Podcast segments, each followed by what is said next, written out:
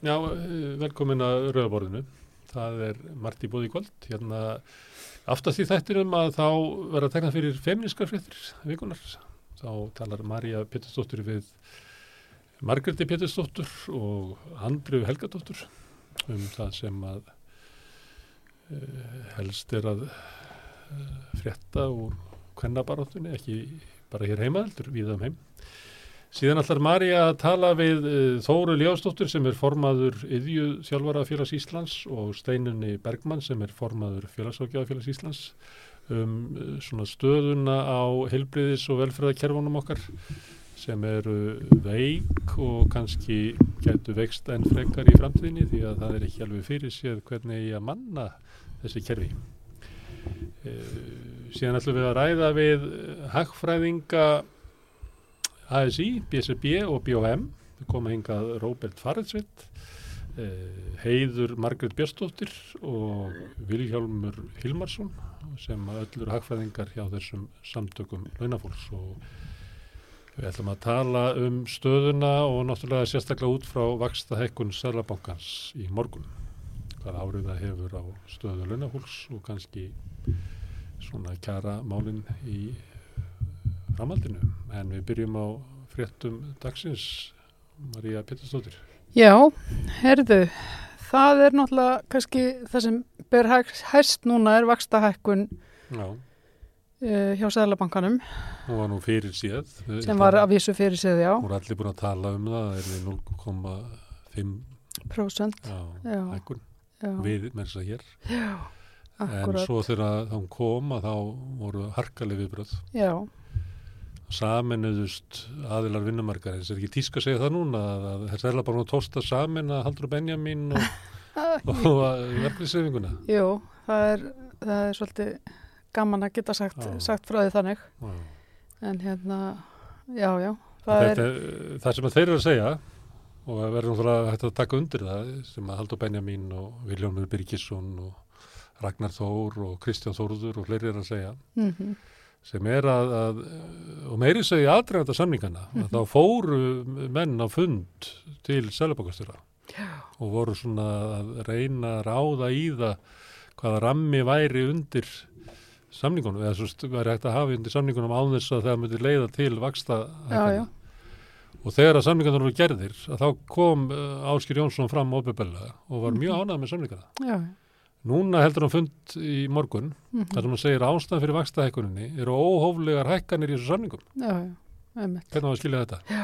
Þetta er náttúrulega bara, og enda gefa þér hver, hver og fætur öðrum hann á mjög lítið fyrir þessar skýringar, verkefælsfóringjarnir og, og já, og Haldur Benjamin líka í rauninni. Þeir... nei, nei, bara, það er ekki að marka þetta Það er ekki að marka þetta. það breytist ekki samningarnir frá því í desember og þannig í februar Nei, þeir eru að nákvæmlega svona samningarnir nákvæmlega. Þannig á hvort það maður að trúa Áskeri Jónssoni í februar eða Áskeri Jónssoni í desember? Já, einmitt, maður að vita það í fremdini því að það kemur aftur desember og februar einmitt. En hann uh, kvartaði yfir launum, hann bentir reyndar á eitt sem að við rættum svolítið mikið hérna fram til haustu og þetta kannski að skoða áfram sem eru svona ímismerki um að það sé svona launaskrið af því það er náttúrulega þaninn vinnumarkaðurinn, það eru fyrirtækjunum vantar fólk í vinnu, það er lítið atvinnuleysi, þannig að, að undir slíku ástandi þá á náttúrulega launa hækka, bara það er samkeppni um starfsfólk, Já, já. þannig að það er bara bjóða í, boðið boðið í, já, já. Þannig að það eitt að sjá, vera, það voru, mér fannst það svona í haust, verið svona merki um að kannski að fara að skoða það aftur. Það nefndi þetta og svo nefndi það að sko ríkisfjármáni væri bara ekki í lægi Mm og það er alveg í takt við það til það sem Áskei Brynjar hefur komið inn og sagt við okkur. Já, já, Að Það, það þarf að koma til einhver aðgerið frá ríkistjóninni, bæði til þess að, að bæta fólki upp uh, sagt, kjara rýrnuna sem kemur í verðbólgunni.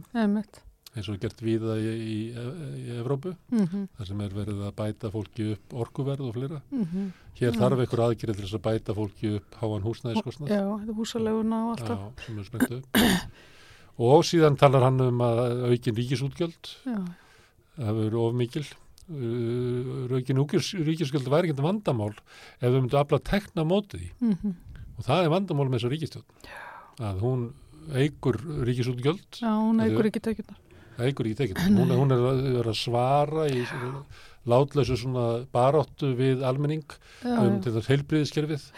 Hérna, jú, við verðum að gefa eftir og láta miljard þar og tvo miljard og eitthvað Mhm, svona því að mhm. það er bara ekki fríður í samfélaginu um það. einmitt, En til þess að fjármagna heilbriðiskerfið þá verður afla tekna. Já, já, og einmitt, það er gert með því að leggja á auðlegðara skatt, já, einmitt, hækka fjármagnstíkjuskatt en bara sjálfstæðarflokkurinn getur það ekki. nei, einmitt, Þess vegna er, er ekki lagfært það sem að þarf að laga með neinum myndalskap nei, nei, og það þegar að vera lagað þá veldur það þenslu þess að vera að búa til peninga þess að taka Einmitt. peningur umferð á móti. já.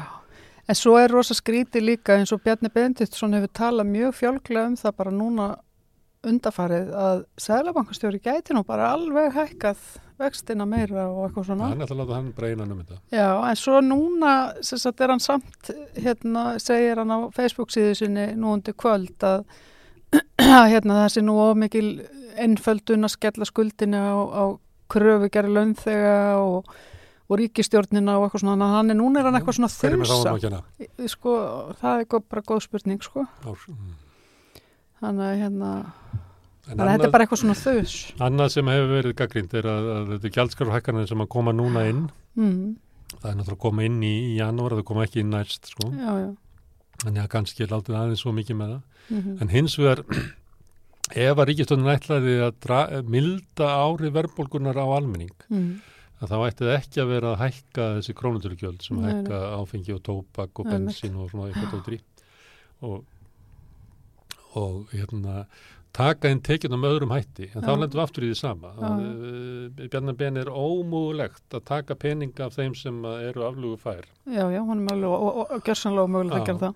og veltir því bara yfir á almenning sem Já. að hækkar þá verðlagið Einmitt. og, og, skapar verri stöðu og það Já. var hann í fréttunum í kvöld var Kristján Þórður, Já, fórseti Aldíðsabansins, Snæbjörnarsson einmitt. að segja það að, að fórsetur kjara sem ekki að vera brosnir Já. Og það er vallað þotna blekið á þeim? Nei, einmitt. og þeir segja að ja, við verðum bara að skoða hvað við getum gert þeir eru náttúrulega lokar inn í samningum. Já, en uh, þeir voru þannig með einhverja svona, það kom í vaffer samningunum og viðnaðamenn einhver svona, e mögulega. eitthvað aðhald með verðlagi. Já, ég veit ekki hvort það voru eitthvað svona ákvæðum að vera þetta að segja þeim upp sko, mhm, ég held ekki einmitt. það er spurning hvað uh, en verkefliðsreyfingi getur náttúrulega beitt sér verkefliðsreyfingin í Fraklandi út á götu og mótmála, akkurat. þeir getur gert eitthvað Mm En varðandi krónu hérna áfísgjaldið og bensíngjaldið þá var, Katrin Jakobsdóttir eitthvað að svara fyrir þetta -hmm. og var að segja að þetta hefði verið hérna, raunverulega lækkun, ég náði ekki alveg hjá henni. Hvernig hún er að snúa uh, köldu í heitt og heitu í kalt og... Já, svolítið sko. Hún var að segja að þetta hefði verið svo En- lítið lækkun að þetta hefði verið rétt náðu sinni, ég held að miskilið þetta sko. já, Að það, ríki getur að afla tekna Mhm. og það ræður í alveg hvort það hækka sko bensingjald eða eitthvað sem að vellur út í verðlægið mhm, eða tekur bara eignaskatta eða fjármæstekjuskatt eða Mhm. leggur á auðluðarskatt eða ríkir ræður því alveg sko. Þú getur alveg tekið skatta sem að er ekki einmitt. Bara þvert á móti, þú veist það er verið að gera út um allan hérna, alla Evrópu, það er verið að leggja á svona kvalreikaskatt á orkufyrirtæki. Mm til þess að geta flutt peningana til fólksins sem að líður fyrir verðbólguna. Já, já. Þetta er bara, Já, já, einmitt. En mér finnst þetta líka, þetta er bæði með ríkið og sveitafélögin. Það það er hægt að búa til mikið fleiri tekistofna heldur en gert er. Þannig hérna, og við erum með er óskiljanlegt. skatta á fjármæstekjur heldur en nágrann þjóðunar. Uh, það Þess er- utan, sko, þú veist, við getum byrjað að því bara vera á pari við nágránu þjóðurnar með það það. myndi ekkit, uh, skapa neitt vandamál hérna, sko. Nei, nákvæmlega ekki neitt. mm. Einmitt. bankaskatturinn náttúrulega er dæmi um þetta, það er þetta Ragnar Þór var í dag að benda þar á það að, að vaksta tekið bankana hefðu aukist uh, um 27 miljardar í fyrra Já. Og það má bara leggja á bankaskatt því að bankarnir sko við, þessar hækkanir á, á vöxtónum Mm að þá græða þeir einmitt. aukalega. Mm og það er bara þekkt eins og er gert út um alla Evrópu núna með orkufyrirtækin eins og var gert á Íslandi í stríðinu að það er lagður á svona skattur þegar það verður óheirilegur hagnaður hjá til, fáum aðilum um skamman tíma þá er hægt að leggja, skattleggja það. mhm. Það hefði átt að gera það til dæmis eftir hrunið við sjáurútveginn, Já, þegar krónan fjall, já. þá vil það bara tvöföldust tekjur sjáurútvegsins mhm. og uh, mörg fyrirtæki þar voru í bullandi mínus og örðu síðan bara sterk efnuð á mhm, þremur korturum út af mhm. þessu hvað hérna afurðnar komu inn fyrir margar krónur. Já. Það hefði verið hægt að Það verður nú, nú forvindilegt núna bara í kjálfærið á skýrslu þessar, um, um hérna, sjókvíaldið hvort að verði þetta að leggja einhver, einhver meiri gjöld á, á þann yðnað. Svandís var í Kastus í dag Já. að segja eitthvað þó að þetta hefði klúðrast svona út byrðu og ókipis upp, upphafi. og ekki þar með sagt að við getum náð gjöldunum en það er náttúrulega auðvitað hefði verið með- auðveldra bara að náðu þessu strax í upphafi. Auðvitað. Já, Það hefði líka stjórnað uppbyggingunni á þessari grein sko. Já, já, algjörlega. þannig að það hefði ekki verið svona Nei, nei, hvað heitir þetta svona vilda vestur vilda vestur, nefnitt. Er það í slagsmálum? Eru það láfið slagsmálum hjá eblingu? Segi það ekki, eða það? Já, ég segi svona. Það var, allavega voru nokkrir lauruglubílar mættir á staðinn. Já, þau eru hjálpuðu nú verkvælsfólkinu, Já, endanum, já. opnuðu hurðina Jú, þeir að gerðu Íslands það. ótil ætluðu að meina verkvælsvörðum Vörðum, að fylgjast með, vildu bara hleypa inn tveimur til þess já. að Einmitt. Skoða þetta, er þetta ekki stærsta hótel á Íslandi Jú, bara? ég held að, Hmm. Þetta er að fosshótel í, við Bríðatún að turnin hann. akkurat. Þau vildu fara með sjö inn, Nei, við vildum fara með fimm, eða ekki? fimm, eða ekki Já. sjö, það er, það er fimm. Við vildum bara fá það fimm endanum. mannsinn og fengu það á endanum, já. En það var svona, uh, ég hef ekki alveg fengið að staðfest, en það voru, uh, mann töldu sér sjá þarna starfsfólk frá svona reyngjörningafyrirtæki. Já, það var allavega, ég hef engan hitt sem að sko sá það sjálfur. nei, en það, það var allavega talað um að, að þarna væri verið að fremja verkvælsbrot í Já. massavís. Með því að, að fá uh, verktaka til þess að ganga í störf þegar sem löfinu vinna. Einmitt, Og fyrirtæki sem átti að hafa komið þarna eru dagar já, sem náttúrulega langstæðsta svona reyngjörningafyrirtæki á Íslandi. Ég held þessi 700 mann sem að vinna þar eru leigð út til þess að þrýfa. já, Og það sem að veldur svona uh, spenningi og titringi er að, að þetta er fyrirtæki sem er í eigu Einars Sveinssonar, föðubróðir Bjarnar Bjarna Ben. Benediktssonar og Benedikt Sveinssonar föður föðbróður, já, Þeir já, pappans, já, Þeir eiga sikkot fyrirtæki Já, og já. saman eiga þeir einmitt, rúmlega helming einmitt, í, í sagt, dögum sem Já. áður hétt IS. Já, já, já, já, þetta er is Já, reyngetningafyrirtæki fyrir mig, já, og það voru svona ykkur kviss um það að, að þetta hefðu verið dagar hefðu verið þarna inn á hótelinu að þrýfa já, einmitt, sem að vakti ákveðna úlúð. Já. Það voru líka fríðar, fríð og spekt, það er ríkisáttar sem er allir ekki að siga lauruglun á eflingu. nei, hann, hvað sagði hann, ætlaði að reyna að leggja, leggja þessa baráttu í jörð, Sanna það, Já, það er sagði ekki það. jörð. já, ætlaði að reyna að leggja þetta í jörð eða eitthvað Nú. Það er ég, Óli Björn Kárásson tala svona, Haldur er mjög, Benjamin líka, það sérstætt, leggi í jörð, ég veit ekki hvað það er, einmitt, þetta er eitthvað tíska. já, tilum til að deila, leiða deilur e- við eblingu í jörð, Í jörð, já, heyrðu, en það er málið þegar gera svona samkomlega um það að, að flýta að skila inn gögnum inn í landsrétt til þess Mhm. að þetta taka hérna, áfríunina fyrir eða kæruna. Já, já, og býða síðan með það þangar til að niðurst að komið þar áður en hann reynir að ná félagatalinu, Og ef að hérna, landsréttur dæmir að þetta hafi verið lögleg uh, tillaga, já, miðluna tillaga, að, að þá verður kosið. já, Við einmitt, talaðum hérna við Augmund Jónasson í gerð, ég veit ekki hvað þú hefur hlustað á það. Var Á því að það bara gæti ekki verið að, að dómstólunni kemist að þess að verið löglegt. nei, einmitt, Ég spurði líka Solveig Önnu sem verður gerð, hvað myndu gera mhm, ef að þetta væri í staðan og Mhm. þá segum þá er ekkit annað eftir heldur en að reyna að virkja félagsmenn í eblingu til þess að ná kostningaþáttökunni upp til þess að geta fælt þetta. Akkurat, og þá er það bara staðrindin að það sé búið að hækka svo þröskutin á því að heia verkvall á Íslandi já, að þú verður eiginlega að bara hafa allt félagið einmitt, undir. já, Það var einmitt. á- áhugavert eitt af því sem að augmundur var að segja Sko ég nefnilega náði ekki að hlusta á einhver ámyndi gær Nei. en, en hérna ég er búin að heyra af því viðtali og það er búin að posta lekka á það á Facebook alveg ítrekað.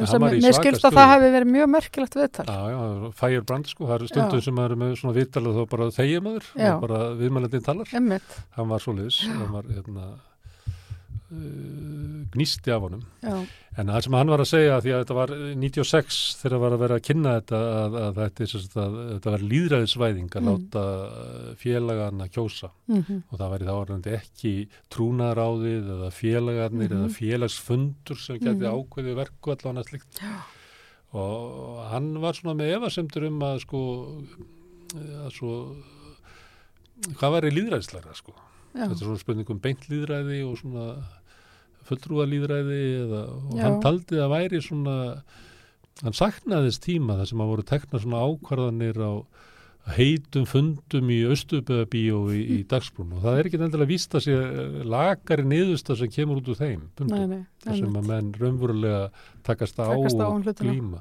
Já, já, þannig að hann sagði líka eftir þetta þá er ekki þessi fundir.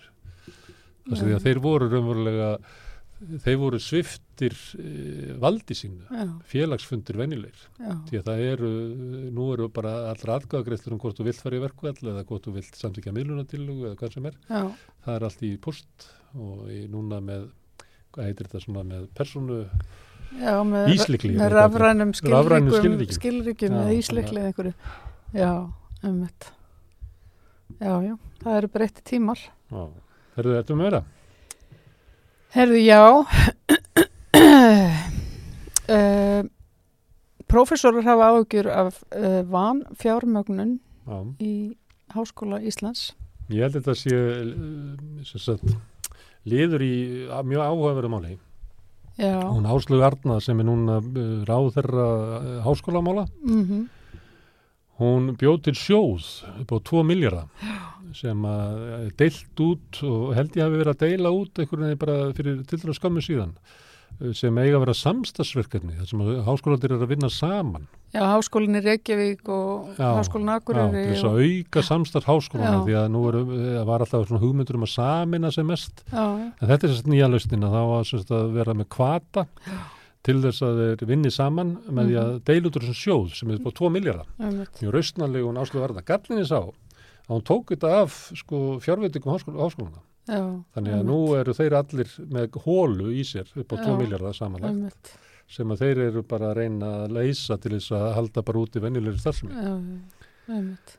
Og svo þessna eru þeirra búinir að vera kannski að líka hækka eða, eða gæla við það að hækka skólagjöldin og allt þetta sem eigi ekki að vera neinn sko eins já, og í háskólanum, já, háskóla Íslands já, ég held þessi í vandræðum sko. þeir eru Það náttúrulega bara um 2 einhver miljardar. bullandi vandræðum ef að munar um. En hins vegar fær ráður að mynda sig þar sem hún útdeilir þessu já, já, eins og gjöf eins og gjöf. eins og gera þeir að taka skúfu skúfu peningana og allt þetta Já, eins og þetta er náttúrulega peningar sem hún gjöf teknir af venjulegum rekstri. Sko. já, þetta er náttúrulega bara fáralegt. Herðu, Herðu, píratar eru hættir nú bara, fengu ekki stuðning annara flokka, Nei, samfélgingin vill ekki hjálpa þeim. nei Ég held að Kristúrun hafi bannað þeim Helgu Völu og Loga að taka þátt. Já, það er spurning. Já. Já. Og hérna, en svo er þetta líka, En svo skora þeir bara á, enda bara á þeir skora á, á stjórnina, brjóti ekki stjórnaskrána, að reyna að höfða til betri vitundar. samvisku, vafki og framsvongar. Já, En hérna, ég held að sé þannig að ef þú ætlar að vera með málþóf, já, þá getur þú gert það svona rétt fyrir jól. já, getur þing. ekki gert það Þú getur ekki gert það upp af þings. Nei, það er rosalega erfitt. Þú þarfst að tala í sko þrjá mánuði. Ég veit, það, það er alveg rosalega seglu, sko. Ah. Þannig að hérna, Þannig að kannski var þetta... þessna líka þegar þú, eh, einhvern tíðan spurður mig hennum daginn, alveg bara heldur að það takist að, hérna, og ég bara, nei, ég bóti hérna, En hins vegar ættum við kannski að fjalla eitthvað aðeins um þetta mál. Þetta komið út úr þessum, eh, hérna átt okkur á því, hvað hérna muni gerast ef að lögin eru samtíkt já, og hvort að þau séu verði samtíkt, hvort að til dæmis þegar að eh, sjálfstæðsflokkurinn gerir svona samkomulag, að þá er það, eh, notaður alltaf svona þegar þetta kemur inn í þingið, já. að breyta því aðeins, þannig hafið drepið Já, mörg mál. hafa Þó svo að það, svona sko. samkomulag mellir stjórnarflokkana að gera það, Já, já, að þegar þetta komin í þingið og inn í þingflokkinu, þá Já, allir já. bara hættar þið við. Já, já, og svona, svona milda aðeins, einhvern veginn leifa, láta hérna halda þeir sé eitthvað, svona fá að vera með eitthvað. Að stundum vera þannig. Já. Það ég finna þeirra bara svikið mál þegar komin í þing, þóttu það hafi Já. gert samkonuðu, þannig að til dæmis ekki leigubremsa, það var búið að samþykja það. Já, að þeir Einmitt. bara, það var reyndar ekki komin í þing, þetta er ábúið áður. Þannig að kannski fyrir vafki í það að, að þó svo að sé eitthvað samkominlag í Mm. ríkistjórn um að afgreita mál með þessum hætti, þá bara Já, hætta við það það. kannski hætta við það. Gattin er þá að þá geti kannski komið flokku fólksins og, og miðflokkurinn og En sko- höfti í gegn. Já, já, en svo er það með, svo er svo skrítið samt hérna, ég bara, mér er bara minnist þetta er að var ekki eitthvað viðtalið Katrínu fyrir ekki svo lengur síðan þar sem að, eitthvað svona drottningaviðtal þar sem hún sagði að þessi ríkstjórn hefði, eða þessir formenn þessar þryggja flokka hefðu sagt bara lofa því að stinga hvort annan aldrei í bakið. Það væri bara hreinalínur. Og það bara stingur ykkur annar. Já, en þú veist, það er svolítið samt það sem að þau hafa gert, sko, þanga til að maður fær að sjá eitthvað núna með varandi dómsmálráðara, eins og með flugvélina og, og eins og með útlendingafrumvarpi, rafbissutnar, allt þetta, Mm. þá allt í hennu er maður að heyra í sko þingmönnum Vafge rísa á afturlappirnar og segja, býti þetta var aldrei rætt. Það er, þeir eru búin að kingja rafbissunar. Já, en það er samt, sko, það, það hafa verið smá svona, Þau bara kynnt ekki í sko. flugvilinni vegna þess að það var ekki raunverulega kynnt í ríkistjórn, það var ekki samsýtt, hann bara sagði það. Já, ég veit það, en þú veist, Mm. þetta eru svona fyrstu málin, finnst mér, vera, sem er að koma upp þar sem að, já, það, það, gerist þannig, að pínulítið það er svona eitthvað. samkomulega við stingum ekki hvort annað í bakið. Já, Svo segir Katrín við hérna einhver þingmann í hérna í sínu flokki. já, Ég get, ég get ekki stungið það í bakið, en þú verður að gera það. að, að það. Og svo kem ég til Bjarnar og segi, það engin, bara, ég sko, næði þess ekki gennum minn þingflokk. en þetta er náttúrulega bara ekkert verið að stinga þannig í bakið, það er bara svona verið að klóra pínulítið, bara... þannig að þetta er ekki meira en Mér það. finnst það, hérna, við erum að fylgjast með því hvort að Vafki ætla að Hmm. Því að þetta held ég að fari mál sem að fyrir mjög illa í græsútina. Þetta með meira?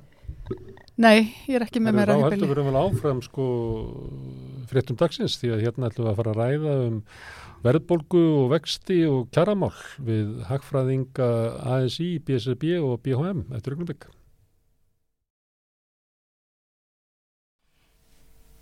Já, herðu, þau eru komin ynga hagfræðingar verkefnisreifingarnar. Bara eins og leggur sig heila. Viljálmur Hilmarsson, þú ert frá BHM og Heiður Margrét Björnsdóttir frá BSB og Róbert Farisveit frá ASI. Verið velkomin. Takk. Þetta er nú svona eh, da, sannig dagur, það byrjaði með vakstahekkun Sælabókars. Hvað hérna, við höfum sagt að hér að það við aldrei búist við að það er því 0,5% hækkun. Mhm. Kom þetta óvart eða? Ég held í sjálfu sér að vakstækun hef ekki komið óvart. Um, við höfum alveg séð það í eitthvað tíma að 90% býst við þessu og það eru ákveðin svona fundamentals í hagkörinu sem að benda til át frá því þrönga hlutverki sem, sem nefndinni er, er, er sett að, að eh, vextir eru hækkaðir. En það sem kannski kemur hins vegar á óvart er að það er fátt sem hefur breyst sko þannig sé frá síðustu vaksta ákvörun og, eh, og líka þessi að einhverju leiti svona inconsistency í málflutningi nefndarinnar að, að það var talað um, um uh, að verðbó- að vakstahækkanumferðinu voru lokið, það er búið að var nú í verðbólgu trekk í trekk og, og svo frammeðis. Já. maður svona veldur aðeins fyrir sér sko með trúveruleika nefndarinnar uh, fram í tíman, þannig að nei, í sjálfu sér koma ekki á óvart með þessi stutta svarið. En eh, Ásker hafði líst því yfir í desember að hann væri ánaður með kjærasamleikana en núna í morgun sagði hann hann væri óanað með það. Hvað þú að skýra, skýra það út, Heiður? Hvað breytist í kjærasamleikunum?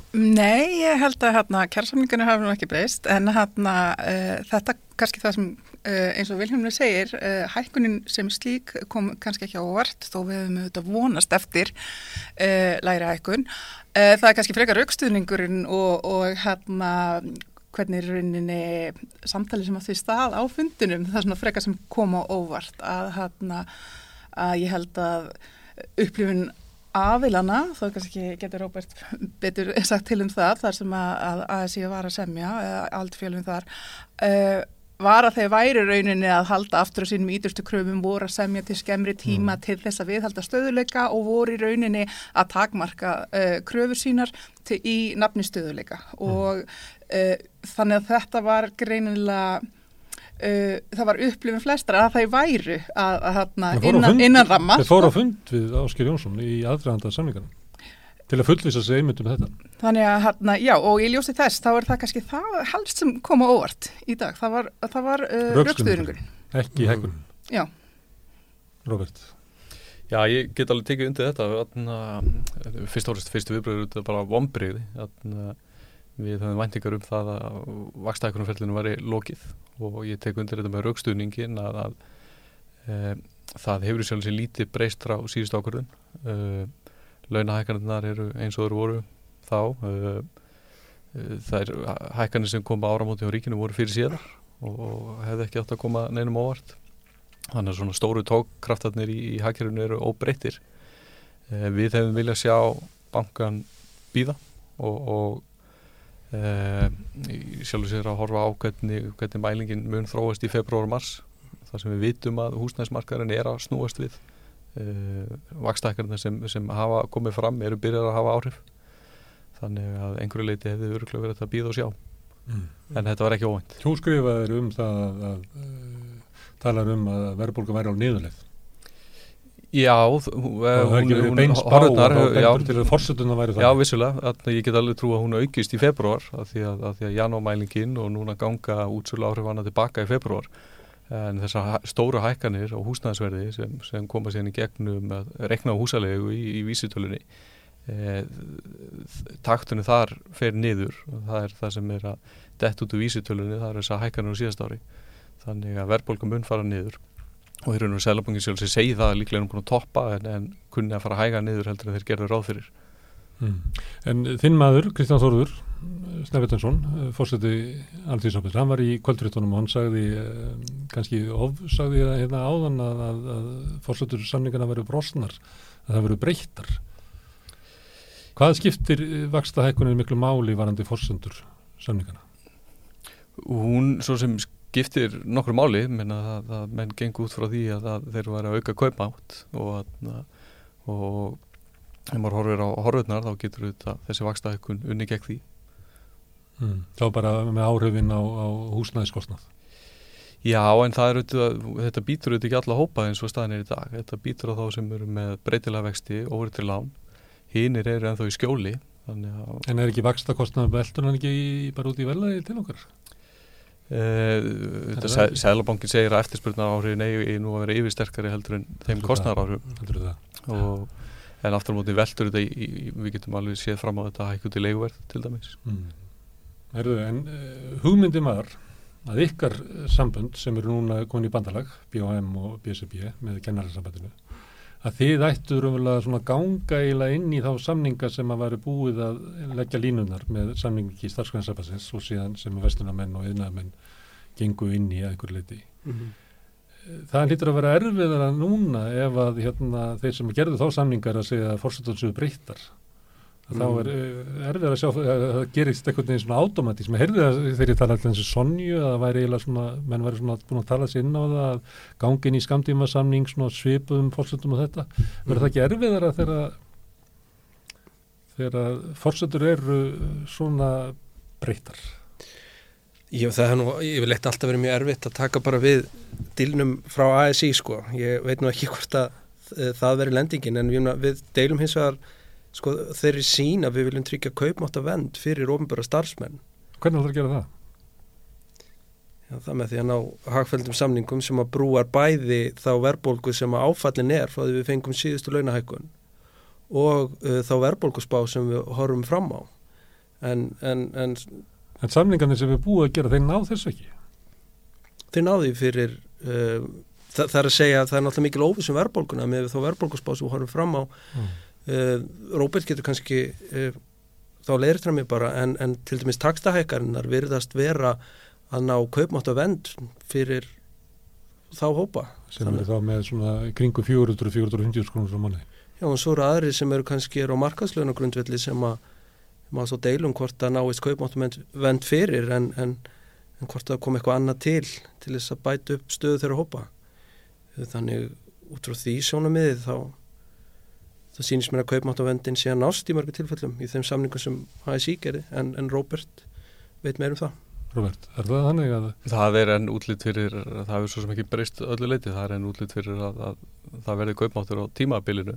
En þetta verðbólkur og óvænt mun meiri þá getur það breyst en, en á tímabilinu þá ekki þá bæta þá kaupmáttarrýtun sem hafi verið fram að samningum Nei, framsýna væntingarna voru það að verðbólka er því, mann ekki alveg tölur að milli ásjórðungarna kringum 5, rúmlega 5% eða maður rétt, þegar samningarna voru gerðir Á þessu ári 5,6 og 7,6 á síðast ári, það reyndist að vera 9,6 og nú stefnir í hvað 7,6 eða 8? Já, en frá þá, þá fjórða ásöringar næsta ári, þá er, er þessi framsýni var það að það er rúmlega 5% verðbólka. Það er sem þungina verðbólkunum væri nú þegar komið fram og kaupmáttur myndi nást með þessu samningum. Mm. Ok, en verðbólgan, hún er hérna óvinnurinn. Já, en það má kannski tækla ná margan hátt og verður. Já. Og þetta dugar ekki að vera bara að hækka vextina? Nei og það sem að kannski skiptir líka máli er hvernig gæðunum er skipt að það virðist vera, það er mikið þensla í hækkerfinu, uh, hagnaðtölur hafa sínt fram á uh, gott gengi fyrirtækja, uh, stjórnvöld hafa ekki verið að hækka skatta á þau fyrirtæki og er þar með ekki að tryggja tekistofna sína eða styrkja með þeim hætti.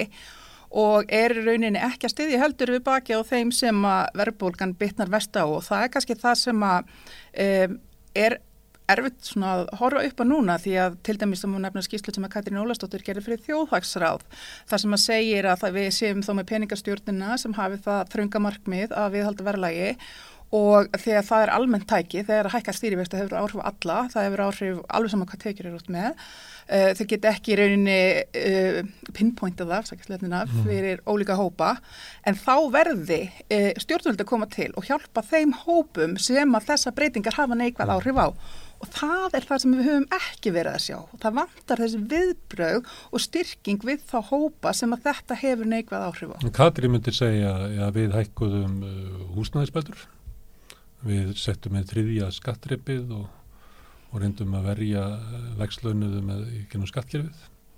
Já, það hefur ímslega gert en verðbólgan er líka búin að hækka nokkuð mikið mm. og eins og uh, því að nefnir húsnæðsbætunar uh, þær hefur rauninni setið eftir þannig að það var kannski svona ákveðin leiðrétting uh, sem var að leiðrétting aftur í tíman í rauninni. Mm.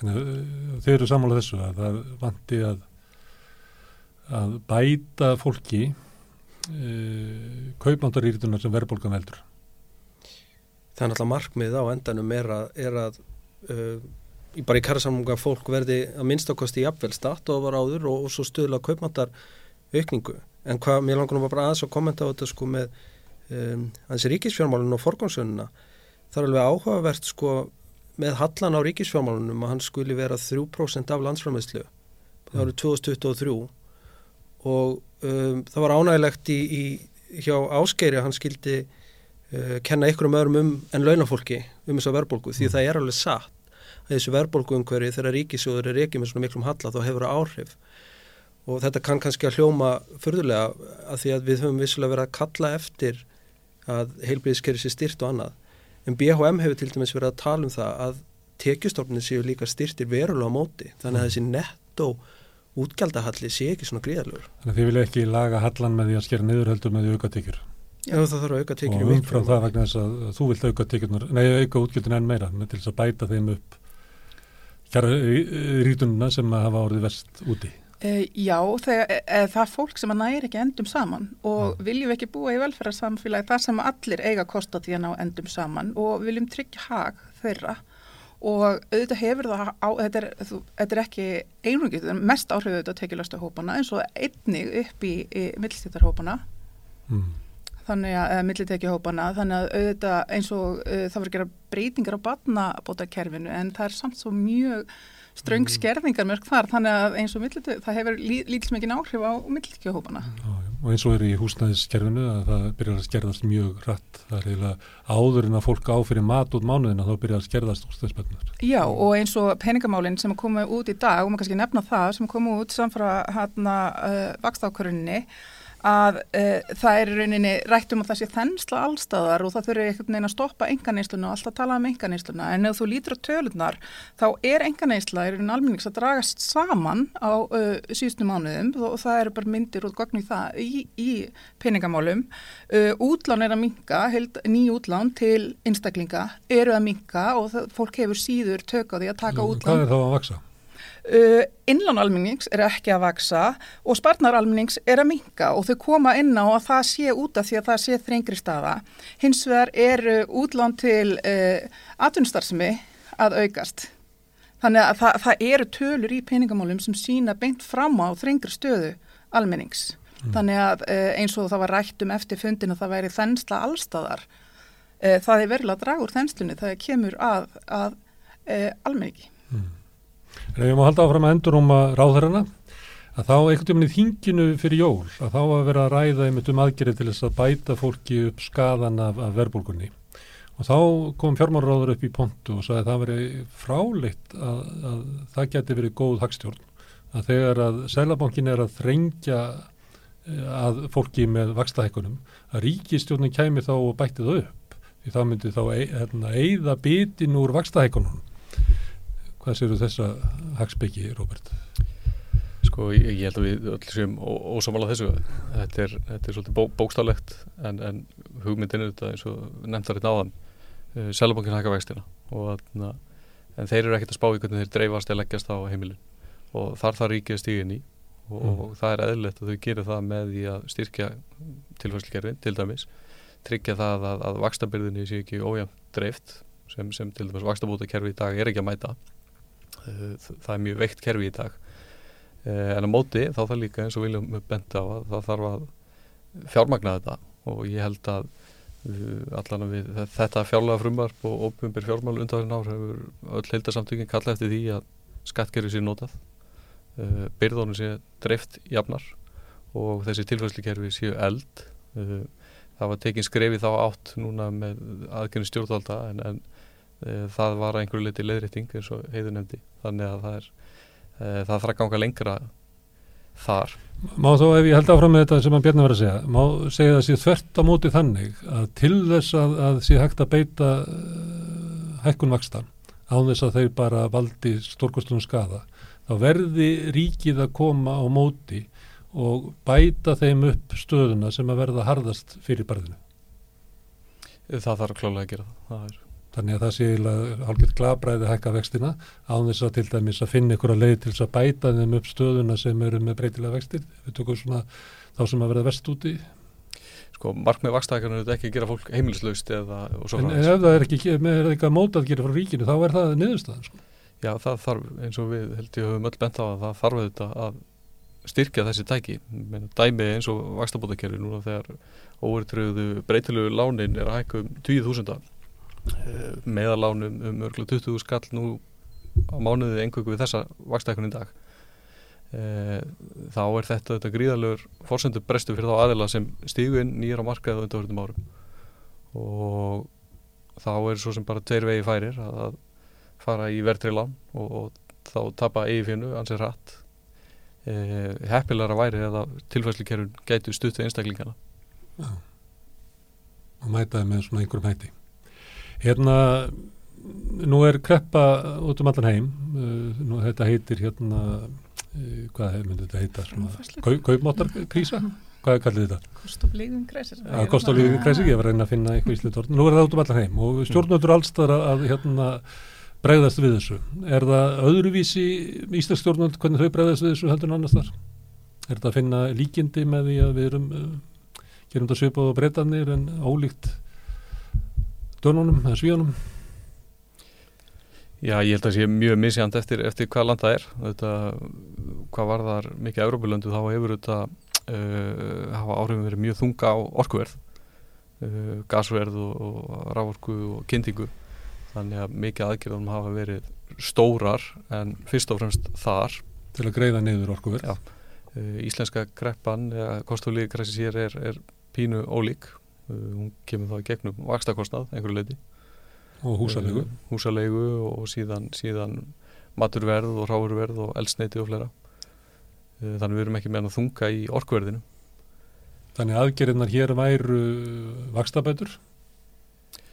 Uh, vissulega vakstabætur, það, það kerfi er, er eins og ég nefndi á þann hefur ekki haldið við eignaverð. Það var gerð breyting núna með að hækka eignaskenningamörkinu um 50% og það fjölgaði þeim sem fá vakstabætur vissulega en skerðinginu þar röð að, að þú ferði út úr kerfinu mjög hratt við litla breyting á eifi mm. uh, þannig að kerfið er í dag uh, ef við mannrétti eins og það var 2018 cirka og, og mjög hraða skerðingar í því þannig að það væri ráða að bæta það kerfi ennþá mm. Það kemur fram í rannsóknum um hverjir eigi erfileikum að ná endun saman að þá eru það hópar sem þar eru, það eru einstæði fóreldrar það eru náttúrulega öryrkjar og það eru leyendur mm. þannig að, að þeir eru kallað eftir aðgerðu sem að miða sérstaklega þessum hópum.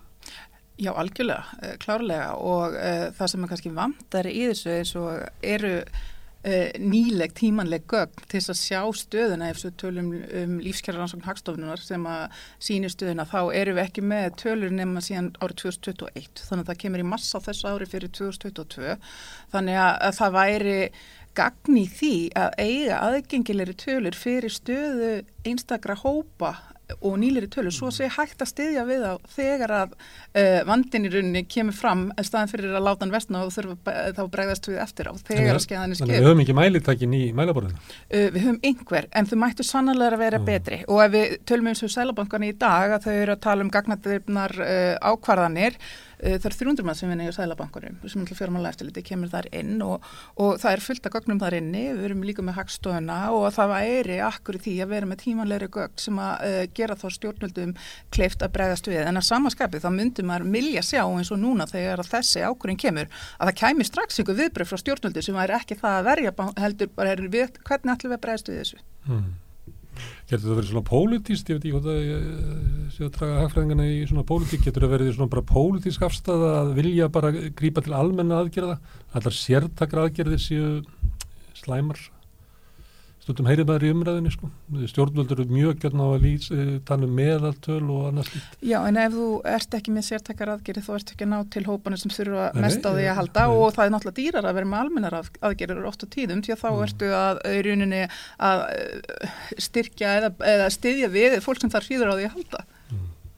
Er það verðbólgan? Er verðbólgan á Íslandi er alveg upp eins og er, þó svo að Róbert hafið tilfinningu fyrir að hún vinir svona upp úr porskum fara að gefa eftir. Mm. en verðbólgan í Evrópu er á leðinni niður. Hvað kunni þið að skýra það fyrir mér?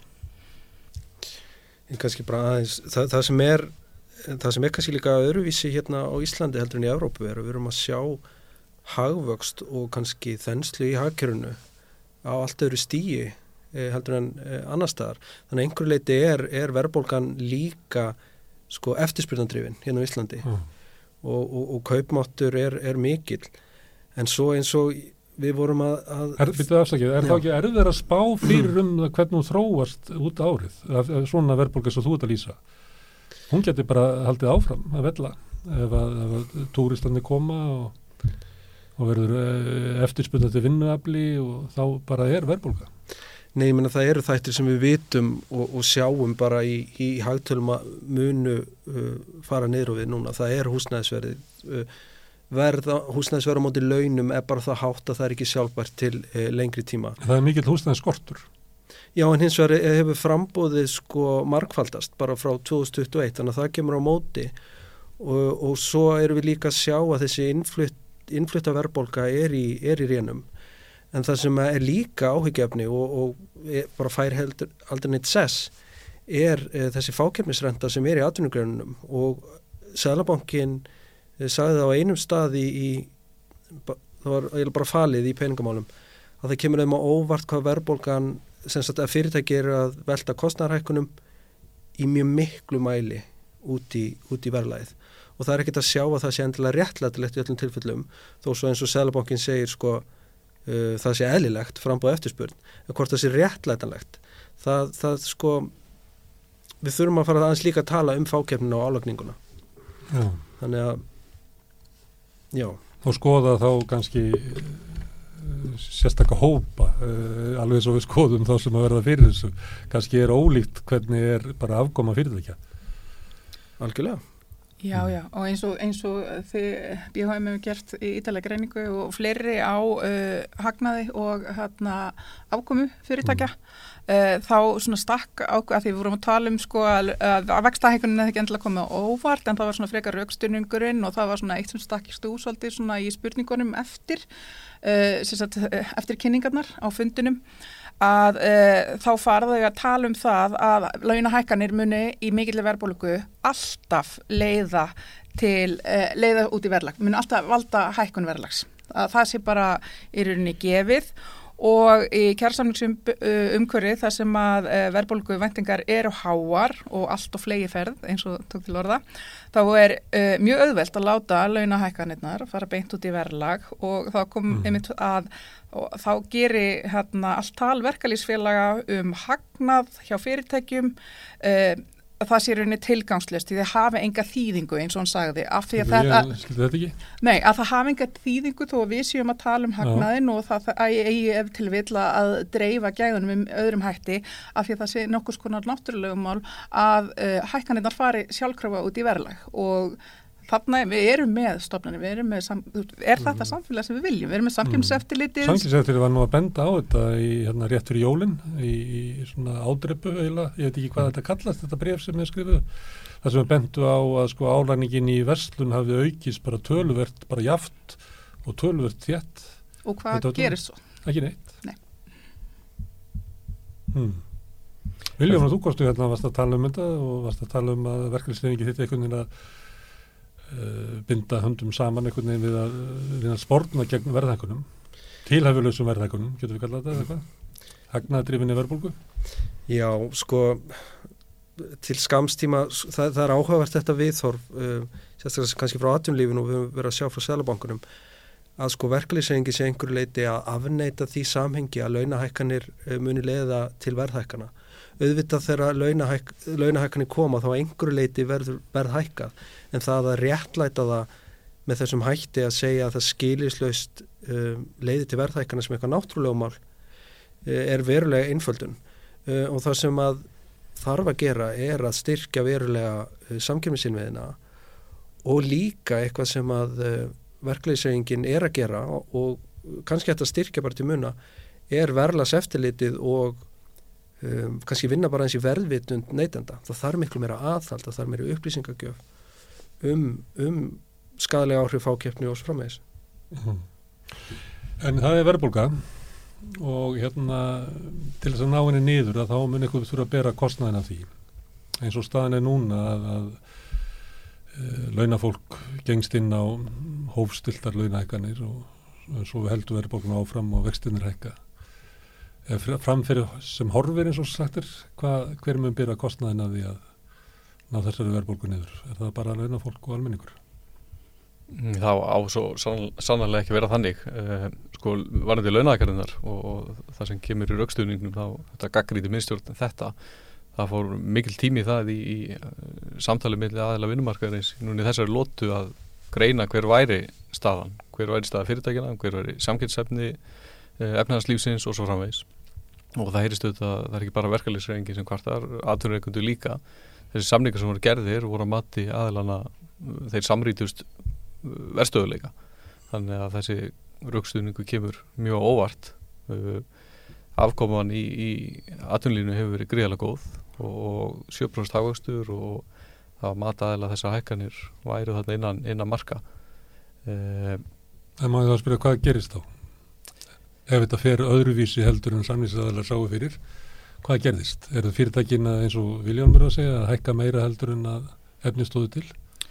Ein, einhverju leiti einhverju leiti er þetta kannski senguð áhrif verðbólgunar ráðuruhækkanir, aðföng og annað sem er að rata inn með ákveðinu svona bara sengun inn í neysluverð tekur tíma fyrir einhver milli aðföng að, rata í verðbólgu uh, Það er líka tíma fyrir læk, lækkun að ræti verðleg, það er nú sorglega Já, oft. og að því að þú nefndir Evrópu þá er þetta spá, spáin þar svolítið að þetta gangi hratt tilbaka ráverðu fyrir upp en það fyrir áttu niður.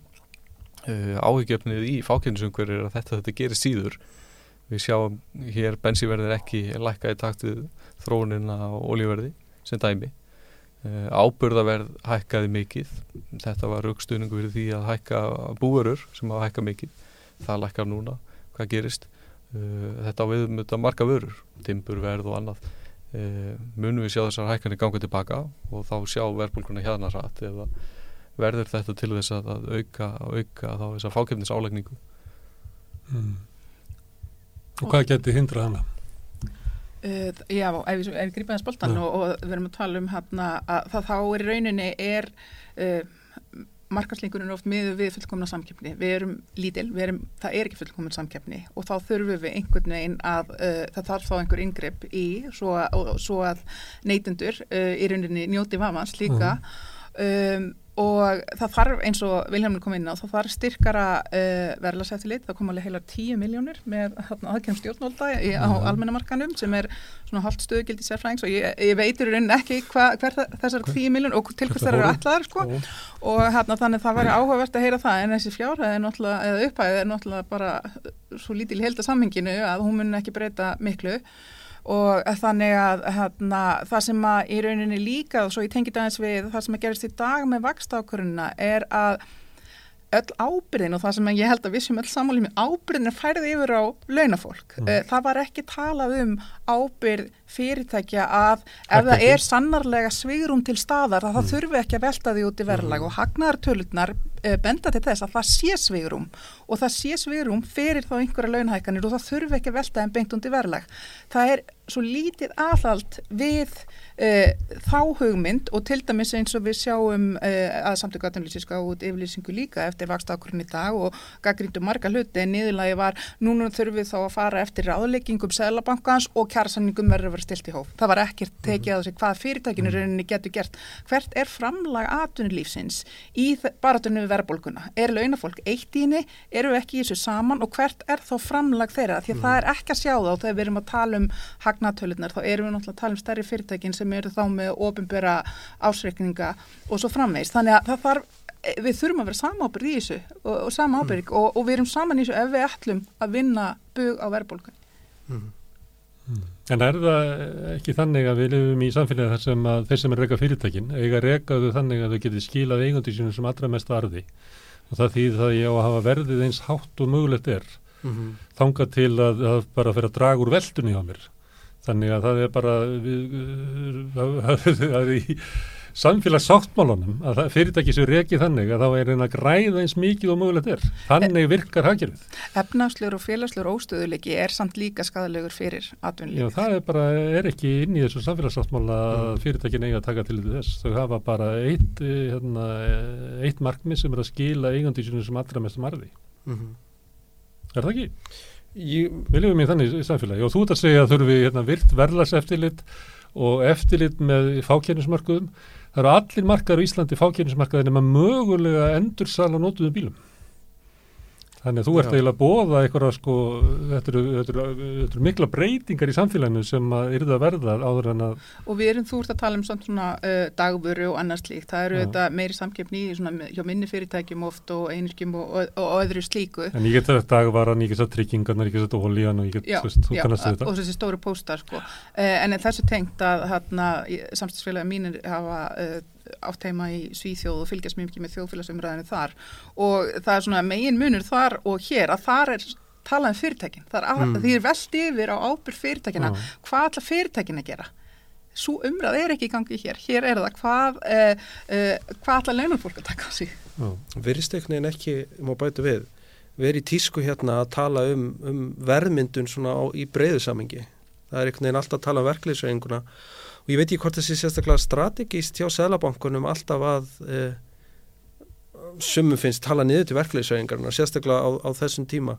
Mann alltaf gerir sér grein fyrir að, að, að hluti af, af þeirra hugsun er að koma með eitthvað sem þeir sjá sem hótun inn í kjara samning og annað en ég veit ekki hvort það sé strategíst og eitt sem ég langar að segja annað með verlaðið um, hversu reglubundið uh, þið ofinbæra er að hækka sem er þá alltaf í januar við fyrirtækin hafa væntingar um það að verðlag muni hækka um 5-10% í, í januar hvert ár. Um, var, ég held að vera mjög rálega fyrir því ofinbera að ef annar borð þarf að hækka að dreifa þessi fyrir árið. Því að þau okkar sem að kannski fara út á nýjástag og, og, og fá sér skyndibita annað, þau taka eftir því að verð hefur alltaf hækkað um 5% í öllum fyrirtækjum, í öllum veitingastöðum óhað efnaðsástandi þetta er svona það setur á hverju signal um verðhækkanir Mm. Má ég spyrja aðeins út í þetta hvernig það væri, hvernig þetta gæti verið að því að þið eru að tala um að, að, að sko, sömuleiti lýsið í samfélagi sem ég þekki, það sem að bara fyrirtækin bara hækka verðið og, og launafólki er skammað með selabokastjóra og stjórnvöldum en, en eru að tala um að fyrirtækin ættu að, að taka ábyrgt, hvernig virkar það? Með, hvernig myndir þetta verðlæst eftir lit, hvernig virkar það? Það því að þú hefur vísað til svíþur og svona, þá er bara að breyta, tala um sko ólíkan kúltúr Já. í umræðinni. Já, uh, ólíkan, uh, því að Þá myndum við fara að tala um að við þurftum eiginlega að fara að tala um þetta við börnin í tíarabæk til þess að reyna að breyta íslensku kúltúr. En Hvað, hvað, hvað getum við gert til að snúa því við hver ber ábyrðina á verðbólkunni og þannig að það virki, þannig að það verði hækki? Sko við þurfum auðvitað að taka samkeppni alvarlega og þarna, reyna að nýta hana og auka hana þegar það er hægt. Uh, við sjáum það þegar, þegar markaður það sem samkeppnin eru aukist ef ekki aðhald frá ellendu fyrirtækjum eða nýjengum á markaðu og annað. Uh, það leiði til ábata fyrir neytundur og svona, uh, tilfinningin er núna ákveðin svona líkil markaður eins og þú nefnir, sé, fákeppnin sé orðin slík að, að eh, svona hvati samkeppninar sé ekki að virka lengur Nei. og Eins og við vitum öll sko, já, já, Já, við vitum það bara. og sjáum það eins og til dæmis í olíverðin núna sem er ekki að, ekki að lækka í taktið lækkanir á heimsmarkaði þannig að ég held að það sé fyrsta skrifið að, að sækja í að reyna að, að, að hrist upp í þessum mörkuðum Og hver getur gert það? Sanginsætildið? já, stórt þið spurt það er, sko það Nú, var, nú er sótt að því, þið takkið eftir í hvað að vera að hæðastæði með þarna, koktelsósumáli já, já, það, það, það er notað svona í pólitísku tilgangi að það hæðast að sanginsættilundir út af þessu majónesi. uh, Já, mér fannst það reyndar hérna, ef ég að segja svo er, þá hérna þetta stóra koktelsósumál Mm. uh, var uh, þetta, þetta var mjög aðteklisvert og þetta var áhugaverð skýsla sem tala um mismunandi blæbrigði Já, uh, feitra majónis sósa já, já. en hérna uh, Kaplum barbecue og, Já, já, tabasco og, og ég veit ekki hvað. Og hérna 130 blaðsjur sannlega mikilvægt uh, en í 10% verðbólgu þá er örgulega mikilvægara fyrir sko fólkið í landinu að geta kipt kóktelsósuna en ekki hvert mæjunu sinni haldið er þannig að þetta er líka spurningum ákveðna pólitíska forgangsröðun og það eru ráðherra sanginsættilundir. Já, forgangsröðun verkefna, ef við erum með takmarkaða resursa, þá það lítur að þurfa forgangsröða verkefnunum með einhverjum hætti eftir mikilvægi hverju sinni. Auðvitað eru lögbundir verkefni líka sem þarf að sinna, en uh, samkeppniseftirlitið er undir ráðherra. Þannig að eh, það má líka alveg líta til þess að auka forgangsröðun með einhverjum hætti ef við erum með takmarkaður auðlindir til þess að spila úr. Já. Sanginsættilið hefur kvartað yfir því einhverjum svona skýrslum að það hérna sinni raumulega bara því sem kemur inn út af samrunna og öðru slíku en það nái ekki að sinna því kannski sem að þið eru að byggja um sko að, að, gera útektir á tríkamarkaðnum og öðru slíku. Já, ég fletti upp bara lögunum Já. áður en ég kom yngað um samkynnseftirlitið og árið 2020 þá var bætt við einum lið í markmiðum þeirra og það er að stuðla að heilbriður samkeppnisumhverfi til hagspota fyrir neytendur. Þannig að það væri mjög þeir hafa enga, enga, enga tækifærið þess því að þeir ná bara að sinna sko samrunna eh, rannsóknum út af samrunna fyrirtæki. Mhm. Já, ef þeir eru með takmarka rísur þá hlýtur þetta samt líka snúðast um forgangsröðun. Það er stóra efla sanginsættilið. Já, forgangs- eflað á forgangsröðum með öðrum hætti. Fólkvarsöðun er skýr að veika samkjörnsefslitið. Það er það ábata samasta sem að atunlífið geti gert í rauninni. Ég ætla svo sem ekki að ætla en það öllum en ég, það væri Mm. mjög strategist að gera það.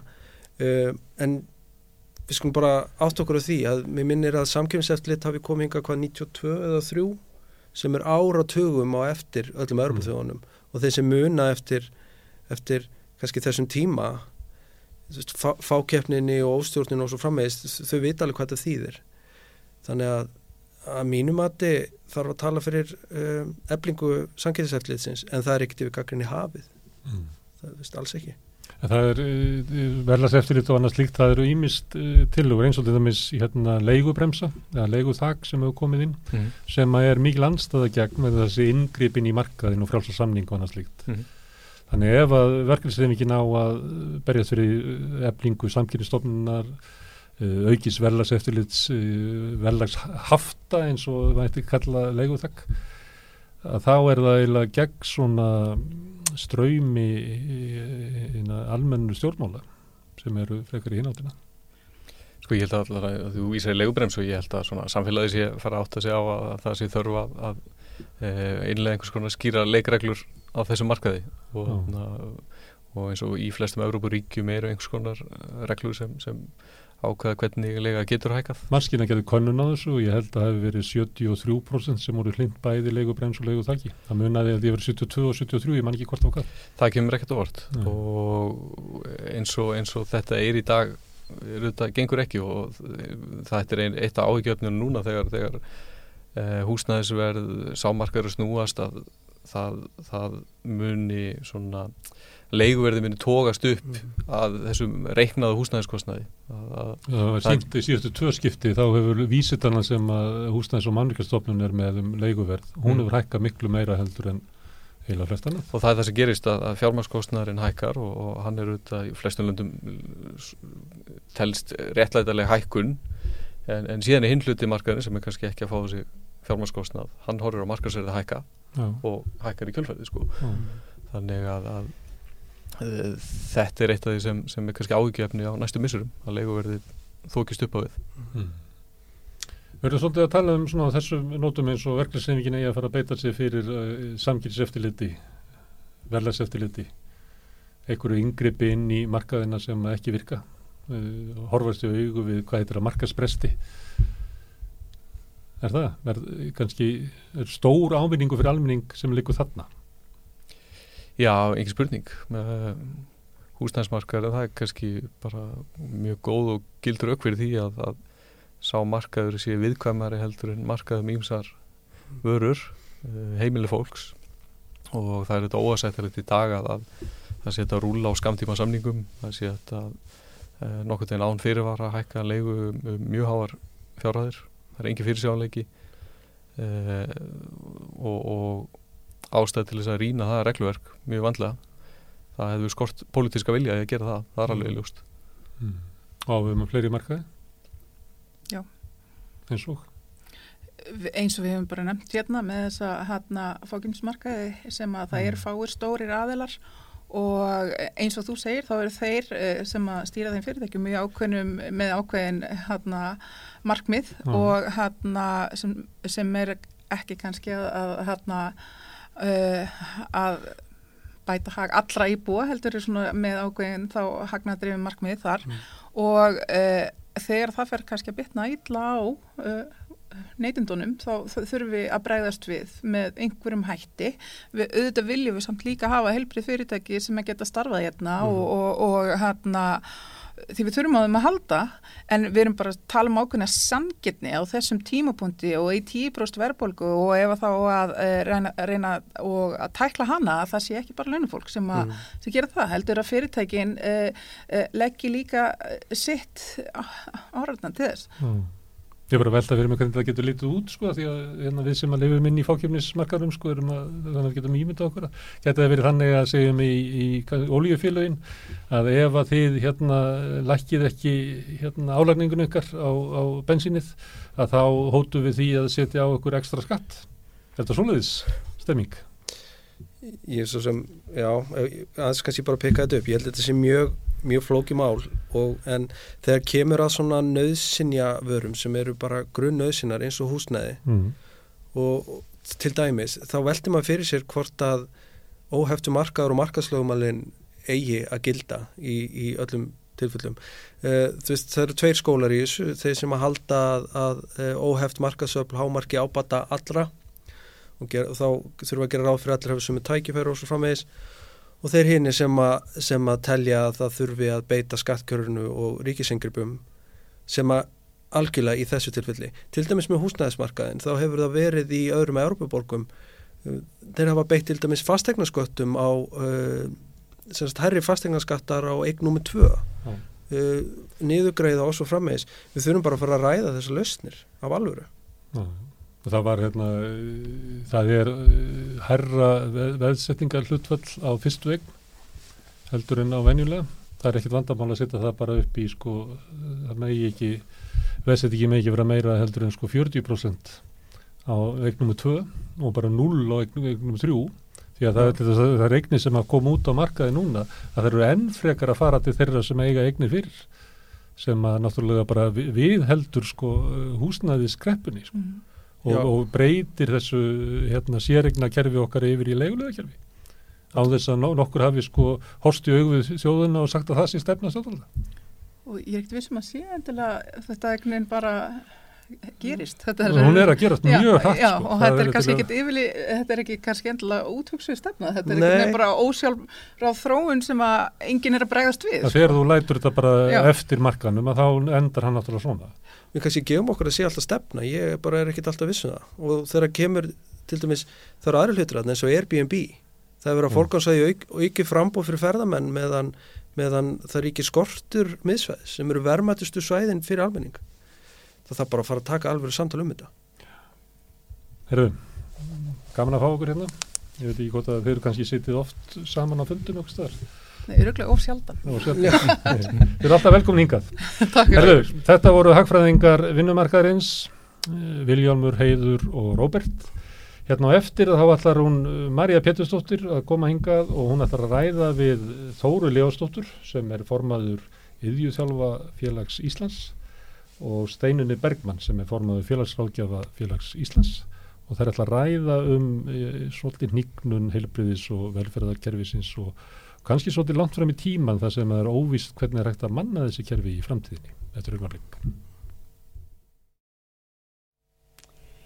Já, uh, hér við Rauðaborðið eru sestar hjá mér, það er Steinun Bergmann og Þóra Leástóttir en það eru annars vegar uh, formenn uh, sjúkra, nei, hérna, ekki sjúk, uh, yðjöþjálfa félag Ísl, félags Íslands og félagsráðgjafa félags Íslands og þið voruð að skrifa grein núna uh, á dögunum í vísi uh, sem að undir titlinum þetta rettast ekki þar sem að þið eru að fjalla um bara helbrískerfið og, og hvernig þið talið um sko velferðakreppu e, og eru það að rekja svona ímsan vanda sem að velferðakerfið og, og helbrískerfið stendur fram fyrir.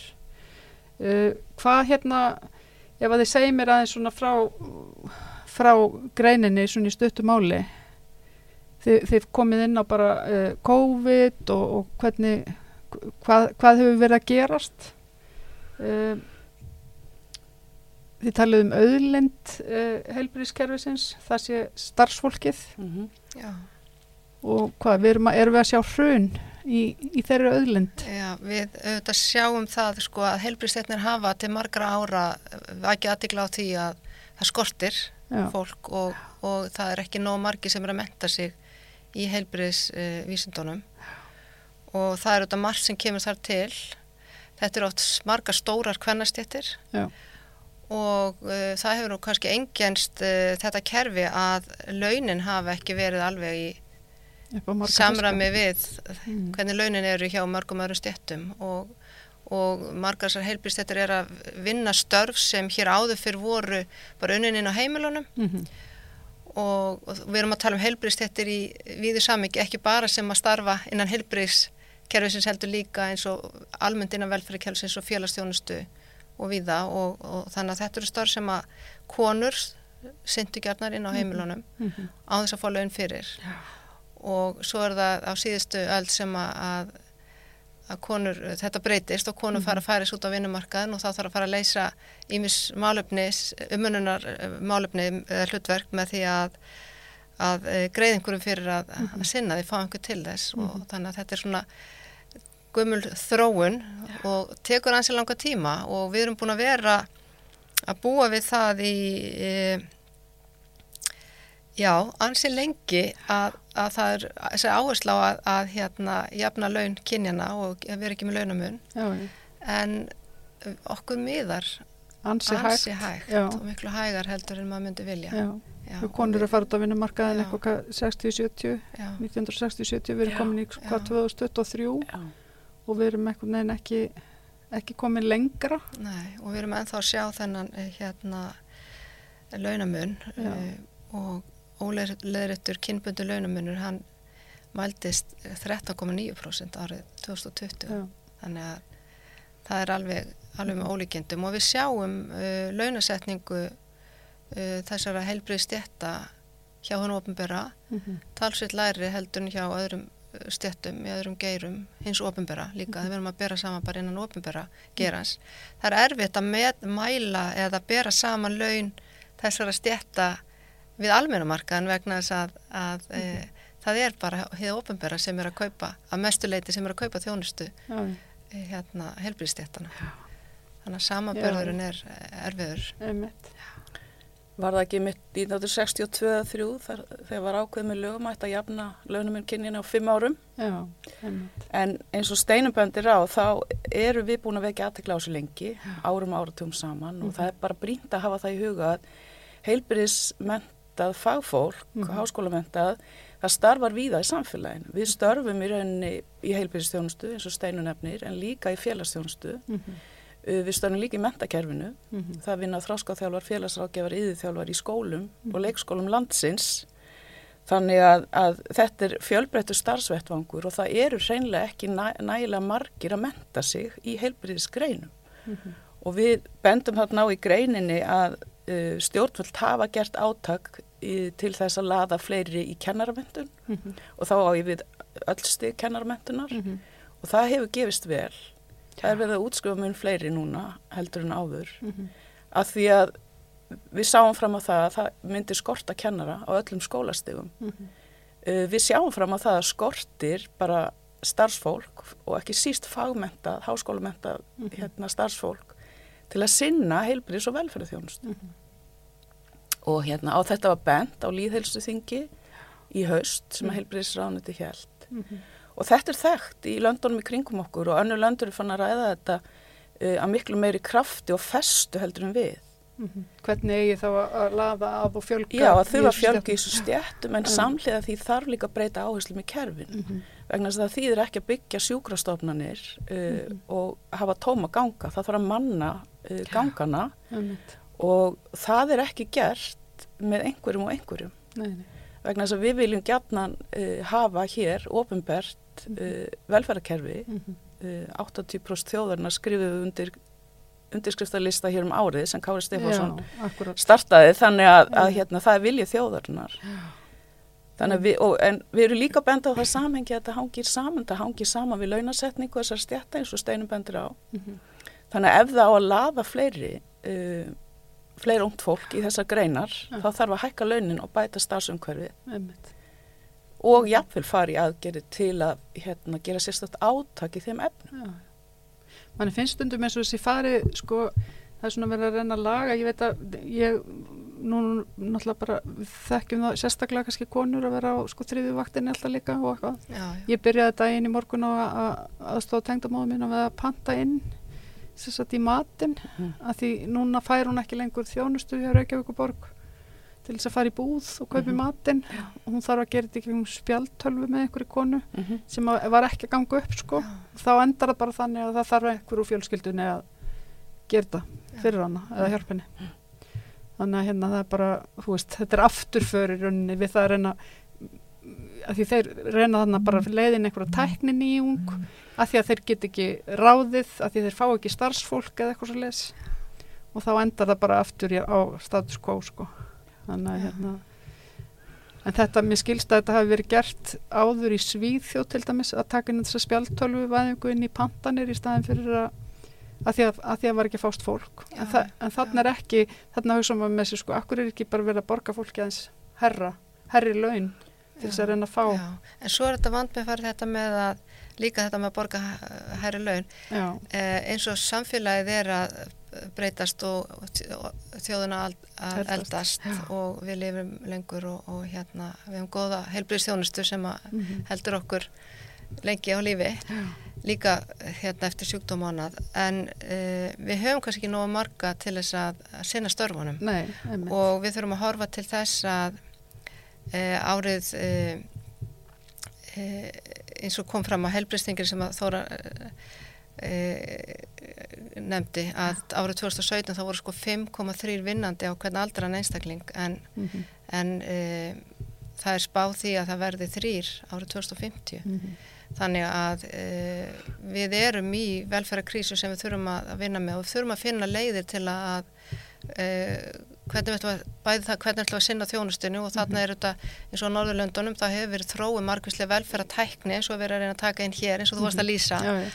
og en svo erum við með þetta kyns, elsta kynslu þannig að hún kann á erfitt með að tilenga sér margir eða erfitt með að tilenga sér uh, þessa tækni. Þannig að við þurfum þetta líka á sama tíma sem að þessi velferðartækni þjónustar mörgum og er að kemur að mjög góðum nótum og fyrir mjög marga og, og flesta að þá er líka heilmi, stór hópur sem getur ekki nýtt sér hana. Já.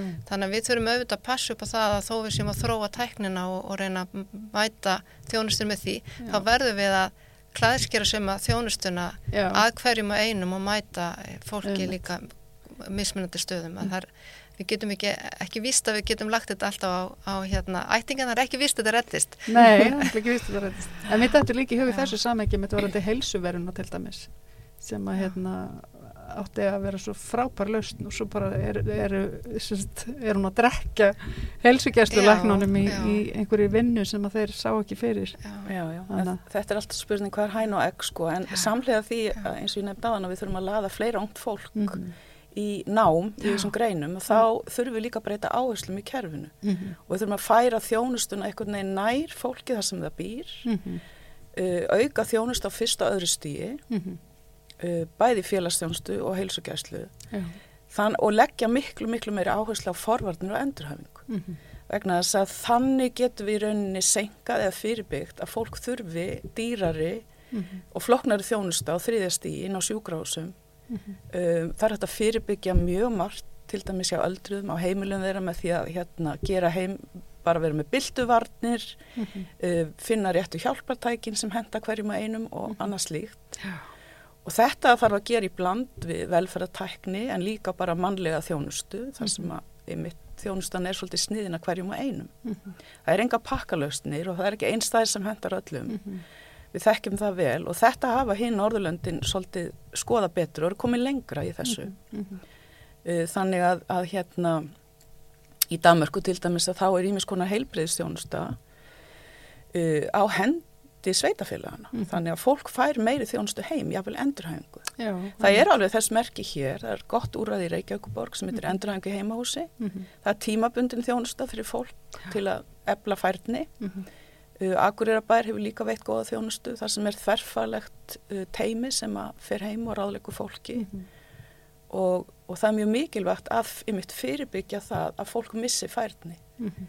að reyna að tryggja það með öllum ráðum að, að hérna, fólk viðhaldi færni sinni og getur bjargað sér sjálft eins lengi og hægt er. Mhm.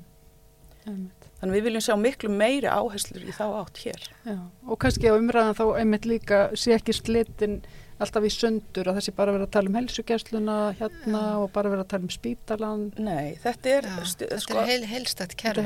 Er og, og, og það er bara þannig að við erum með svolítið gamaldags uh, skiptingu á þessu verkaskiptingu, þar sem við erum með heilbyrðisránindi og félagsmálránindi Mhm. og oft og tíðum þá kemur það fram þegar á að dýfka umræðina að það er þörfa þessar og hinni þjónustunni að þá bara segir annar aðilinn heyrðu hinn á að borga. Já, Þannig við ströndum einhvern veginn þar. Þetta er allt uh, verkefni sem hægt er að leysa. Mhm. Uh, þannig að við viljum sjá bara miklu meiri kröftugri áherslur. Mhm. Það er búið að gera góðar áallanir, uh, heilbyrðisáallun, geðheilbyrðisáallun, já, já, til, til Endurhæfingar- áallun, Í þannig að við erum, við erum búin að setja markmið og við vitum hvað peningarnir þurfa að fara í. Já, En það er ekki nóg að byggja hjúkunaheimili og spítala. Það þarf að manna gangana eins og ég segi. Akkúrat. Og þetta fólk er ekki til, við erum að horfa á það. Mhm. Og við erum hérna uh, áttaheilbyrðistjættir inn í BHM og, og flestar okkar hafa, flestar þessar stjættir hafa bara bent á þetta lengi. Mhm. Já. Hvað, eh, hérna, eru þið, sjáuð einhverja lausnir á til dæmis eins og bara þessu misræmi í eh, aldri, aldurskiptingu þjóðarinnar Um, þetta, sem við erum að fara, horfa fram á, já, þetta er bara þróun er sem að uh, vestrætn heimur stendur fram stendur fram fyrir og þetta á ekki að koma okkur á óvart. Nei, Þannig að við uh, höfum haft tíma til að undirbúa okkur og við erum svolítið kannski að segja að, við, við viljum meina að það þarf að nýta tíman betur. Já, Og við þurfum bara að horfa til annara þjóða, ekki síst Norðurlanda þjóðana, nágrann okkar mhm, og sjá hvernig þau hafa gert þetta. já, Þannig að það þarf að hanna betri þjónustu og það þarf að leggja miklu, miklu meiri áherslu á endurhæfingu og forvarnir mhm, heldur en gert er í dag. og hugsa um heilstæðar forvarnir og að því að forvarnir er ekki bara um, þú getur ekki skipt forvarnir, nei og forvarnir og, og eins og maður hárfa í svo endurhæfingin að, að maður getur ekki talað um uh, heil, uh, heilbyrðis endurhæfingu eða starfsendurhæfingu eða, eða slikt þú klippir ekki einstaklingin í, í sundur, þú þarf að vera með heilstæða endurhæfingu og hugsa um einstaklingin mhm, uh, og heilsu hans uh, félagslega, andlega og líkamlega eins og, og heilbriðstefnan hveður áum reyndar sem er til 2030 þannig að við þurfum að tryggja það að fólk hafi greiðan aðgang að fjölbrötu fagfólki mhm, og það er eitt af því sem við höfum verið að benda á að það þarf að fjölga fagfólki inn, inn á heilsugjæslu stöðvonum sem er í nær þjónustunni mhm. þannig að það, e, fólk geti farið og hitt þar þann fagaðlega sem að, hendar, ekki- hendar þér, bara- þú getur fengið að hitta þú getur hitt félagsrákjafann eða yðurþjálfan eða Einmitt. sjúkraþjálfaran eða Mhm. næringafræðingin eða, eða hvað það er sem að, að hérna þig vanar, vanhagur um sko. þetta er í raun og veru þessi þjónusta sem er í, í, í umhverfinu Mhm. þannig að við þurfum svolítið að endur hugsa kerfið okkar og, og þetta við getum ekki haft þetta eins og við höfum alltaf haft þetta þetta eru breytti tímar eru breytti tímar, þetta og reddast ekki bara. þetta reddast ekki, við þurfum að vinna að því að, að aðlast Já. að þessu og endur skoða kerfin okkar Það hefur verið rosalega mikið, bara fyrirferða mikið í umræðinu alltaf sko undarfærin ár starfsendurhæfing. Allt gengið út á starfsendurhæfingu. Já, En menna kannski á, á annars konar endurhæfingu eða, eða bara hæfingu eða, Já, en það er starfsendurhæng mjög mikilvæg Já, já. og hún er þrátt fyrir að svona virka sem frekar þröngt hugdaka þá er hún skilgreint frekar vítt á Mm. Íslandi og það er alveg fjölmörg úrræði sem standa fólki til bóða mm en við þurfum að ná utanum og við höfum rekið Íslands samfélag svolítið mikið á hérna þriðja geiranum svo kalla Mhm. þannig að heilbriðs og velferðarþjónusta hefur verið rekin af félagsamtökum -hmm.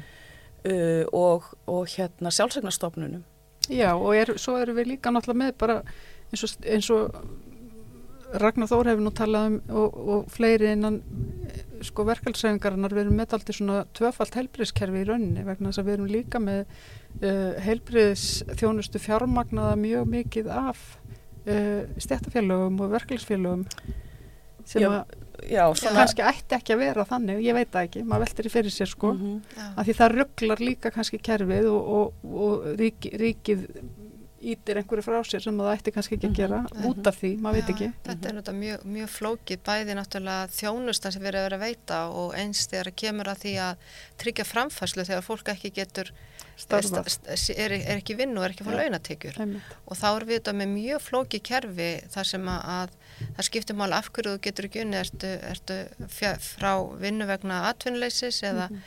Eða að þú finnur ekki vinnu við hæfi eða er þetta vegna veikinda eða, eða hvað það er og, og svo þarftu að, að e, ert hæfingu, ert e, starfsendurhæfingu, þú ert heil, heil, heil, heilsutengda endurhæfingu Já. og allt hangir þetta saman. Mm. Uh, við hefum séð uh, og mismunandi kerfi sem að tryggja þá framfærsluna þín eftir í hvaða, hvaða er sem þú ert að, að gera til þess að, að, að bæta þína stöðu.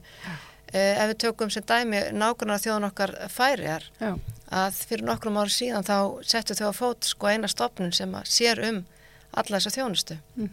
Þannig að það er í raun og alveg sama hvaða af hverju þú hérna, ert ekki með laun mm. þú ferðin á sama hérna, sömu stofnunina og, og það er öll þjónust að veitt þar á, á sama stað þannig að ef þú ert atvinnlaus að þá ferðu á sama stað og ef þú ert uh, já, að hvort þú sért sem sjúkragreislur Já, eða, já. eða, eða örugreislur Já, eða hvað það já. er að þú ert uh, ferð á eitt stað og Já. þjónustun öllu veitt af þessari sömu stofnun já, uh, ef þú þarf hjálpatækið, þú, það er sátt um það þarna, þú þarf Já. starfsendurhæfingu þú þarf uh, atvinnum með stuðningi mhm, uh, búsetu úrraði mhm. framfærslunu, félagslega þjónustu og hvað það er sem þú þarft. Þetta er alltaf sama stað, þetta er alltaf sama hendi, þetta er sama gáttin sem að hérna, borgarinn leitar í. Þetta er bara hérna kærleiksráðunetið einhvern veginn í færiðum. Kærleikstöðin. Já, velferðarstöðin velferðarstöðin. og heitir hérna, Já. já, nú er það að muna hvað það heitir. Á færisku. Mm. Það er nefnilega, já, skemmtilegt hérna heitið á því, nei, Já. það kemur ekki núna. Nei. En mér langar aðeins kannski að ræða ef ég má, Já. hérna, sko, mjög mikilvægan þátt í þessu eins og, og Steinur byrjaði að nefna þetta með uh, skakka virðismati. Já. Að það virðist einhvern veginn vera þannig að við sem samfélag uh, leifum okkur að borga minna fyrir þessi störf heldur en önnur störf. Mm Þrátt fyrir að það líki sambarlega mentun að baki og, og störfunum fylgi, fylgi Gríðarlega ábyrð, ábyrgð, gríðarlega já. ábyrð. Já. Þannig að það þarf að laga og þeir sem hafa skoðað þetta hvað mest vilja meina að þetta líki svolítið í uh, viðhorfum og kynskiptum vinnumarkaði Mhm. Og það má velta því og það er svo smálega þekkt í Mhm. nágrannlöndunum líka að hérna, vinnumarkaðan sé kynskiptur en hann er á ákveðnum sviðum mjög kynskiptur hér. Mhm. Við erum, við erum svona Meira heldur en Já, við annars já, það eru sko til, ég nefni til dæmis, ég veit nú ekki sko, í mínu fæi er þetta bara mismunandi og því sunnar sem að þú ferð á hnöttin, Mhm. Því fleiri karlar eru yðurþjálfar en Já. það hefur eitthvað með það að gera að konurnar eru heimavinnandi, skiluru, Já, já, það er ýmislegt svona sem spilar inn, en ég heyrði hérna lektor í hjúkunarfræði ræða þetta í, eh, í útvarpi Mhm. fyrir ykkur mánuðin síðan og hann, hann vildi meina það að sem sagt hlutfall karla í hjúkunarfræði Mhm. væri hæst 15-17% þar sem það er hæst þannig að þetta er nú svona heilt yfir Mhm. En, en hérna yðurþjálfastjættin hér á landi til dæmis er bara 98% hvenna stjætt já. það eru held ég að ef ég maður rétt fimm karlar Já. í félaginu Einmitt, já. þannig að við erum við erum svolítið langt á eftir með þetta Mhm. uh, þannig að það er eitthvað líka er í eitthvað okkar rosalega samfélagsgerð sem er gammaldags Mhm. og hérna en vissulega eru kollegar okkar Norðurlöndunum að ræða líka þennan kynbundna launamun. Mhm. þannig að þetta er svo sem ekkert sér íslenskt fyrirbæri en okkur gengur meira hægt, hægar en öðrum Já. uh, vil ég meina. Hérna, þannig að við eigum inni tölvert af launum Já. þessar stjættir og hérna og þá, þá höfum við verið að benda á það að að svona á þessum ríkisstofnunum eins og landsbítala og öðrum heilbyrðstofnunum þá er þessi launasetning þessar stjætta hvað lægst Mhm. þannig að það þarf að laga það Mhm. það er svona okkar ábending og krafa mm. Mhm. Já, þetta er náttúrulega eitthvað, eitthvað eins og segir, eitthvað sem liggur, svolítið djóft örgla hjá okkur. það virðist vera svo virðist vera. Já. Mm Ég held að bara svona í fljótu bræði, ég held að ég þekki einn sko hjúknarfræðing sem er kallt maður. Já. Þannig að hérna, og ég man að ég hitti einhver tíman sko mann sem að sagðist, sagðist hafa sagt, verið lengi vil starfa sem sjúkraliði. Mm og hérna, nei, jú, sjúkraliði. Og ég bara svona eða datta mér andlit, ég held ég hafa aldrei hitt sko kall sjúkraliði áður. Þannig, að, þú veist. Mhm. þannig að já, þetta er þetta er svolítið svakalegt. En svo núna, aðeins að því þið talið um COVID líka Mm. uh, hva, hvaða mun f- finnið þið fyrir á COVID-inu, ég minna við, við erum í rauninni svona frá mínum bæðurum séð uh, eins og, og ég hef alveg tölverðar sko reynslu af helbriðskerfinu sjálf í gegnum ein, mín eigin veikindi. Mér fannst einhvern veginn spítalinn uh, til dæmis landspítalinn og, og ástandið í bara helbriðskerfinu og jáfnvel velferðkerfinu öllu vera orðið svolítið mikið brotið fyrir COVID Mhm. Mhm. Já, það var auðvitað mjög mikil, mikil uh, álag á öllu kerfinu, bæði sjúgrósum, uh, heilsugæslan, uh, það var eftir að komast þar að líka áður. einmitt. Uh, félagstjónustan, mjög mikið vinnuála þar og, uh, og fólk þurfa að forgansraða og, og uh, mjög mikil uh, málafjö, þungur málafjöldi og fólk með tilfinningu fyrir því að geta ekki sint öllu því sem það þyrti að, að sinna, veita þá þjónustu sem það vildi vera að veita. Akkurat. og þannig að það var, það var orðið löngu, löngu fyrir COVID. Ef ég tek bara mínastjætt eins og félagsrákjá að, að þeir fengu í fangið hrunið 2008 Já, og þeir voru svona valla, ekki búin að jafna sig eftir það allt saman þegar að COVID kemur, kemur og það var ekkit umnitt annað að ræða en að e, bregðast bara við og breyta um vinnu aðferðir Já, og e, mæta fólki og tryggja e, órofna þjónustu og þetta Mhm. á um sam, aðra stéttir eins og, og þróskaþjálfa til dæmis Mhm. og aðra sem er að sinna fólki með föllun sem að þarf að fá sína daglegu þjónustu. Og það þurftir hennu bara að endur skoða allt saman alla verkverðla og búa til, til ný, nýja verkverðla og, já, og svo veiktist fólk. Já, og fólk fór í einangrun vegna COVID mm smita eða nálaða við smita þannig að það var undinmannað aftur og aftur og aftur. mhm, Þannig að fólk þurfti bara að passa, halda öllum boltum á lofti og, og gerð það.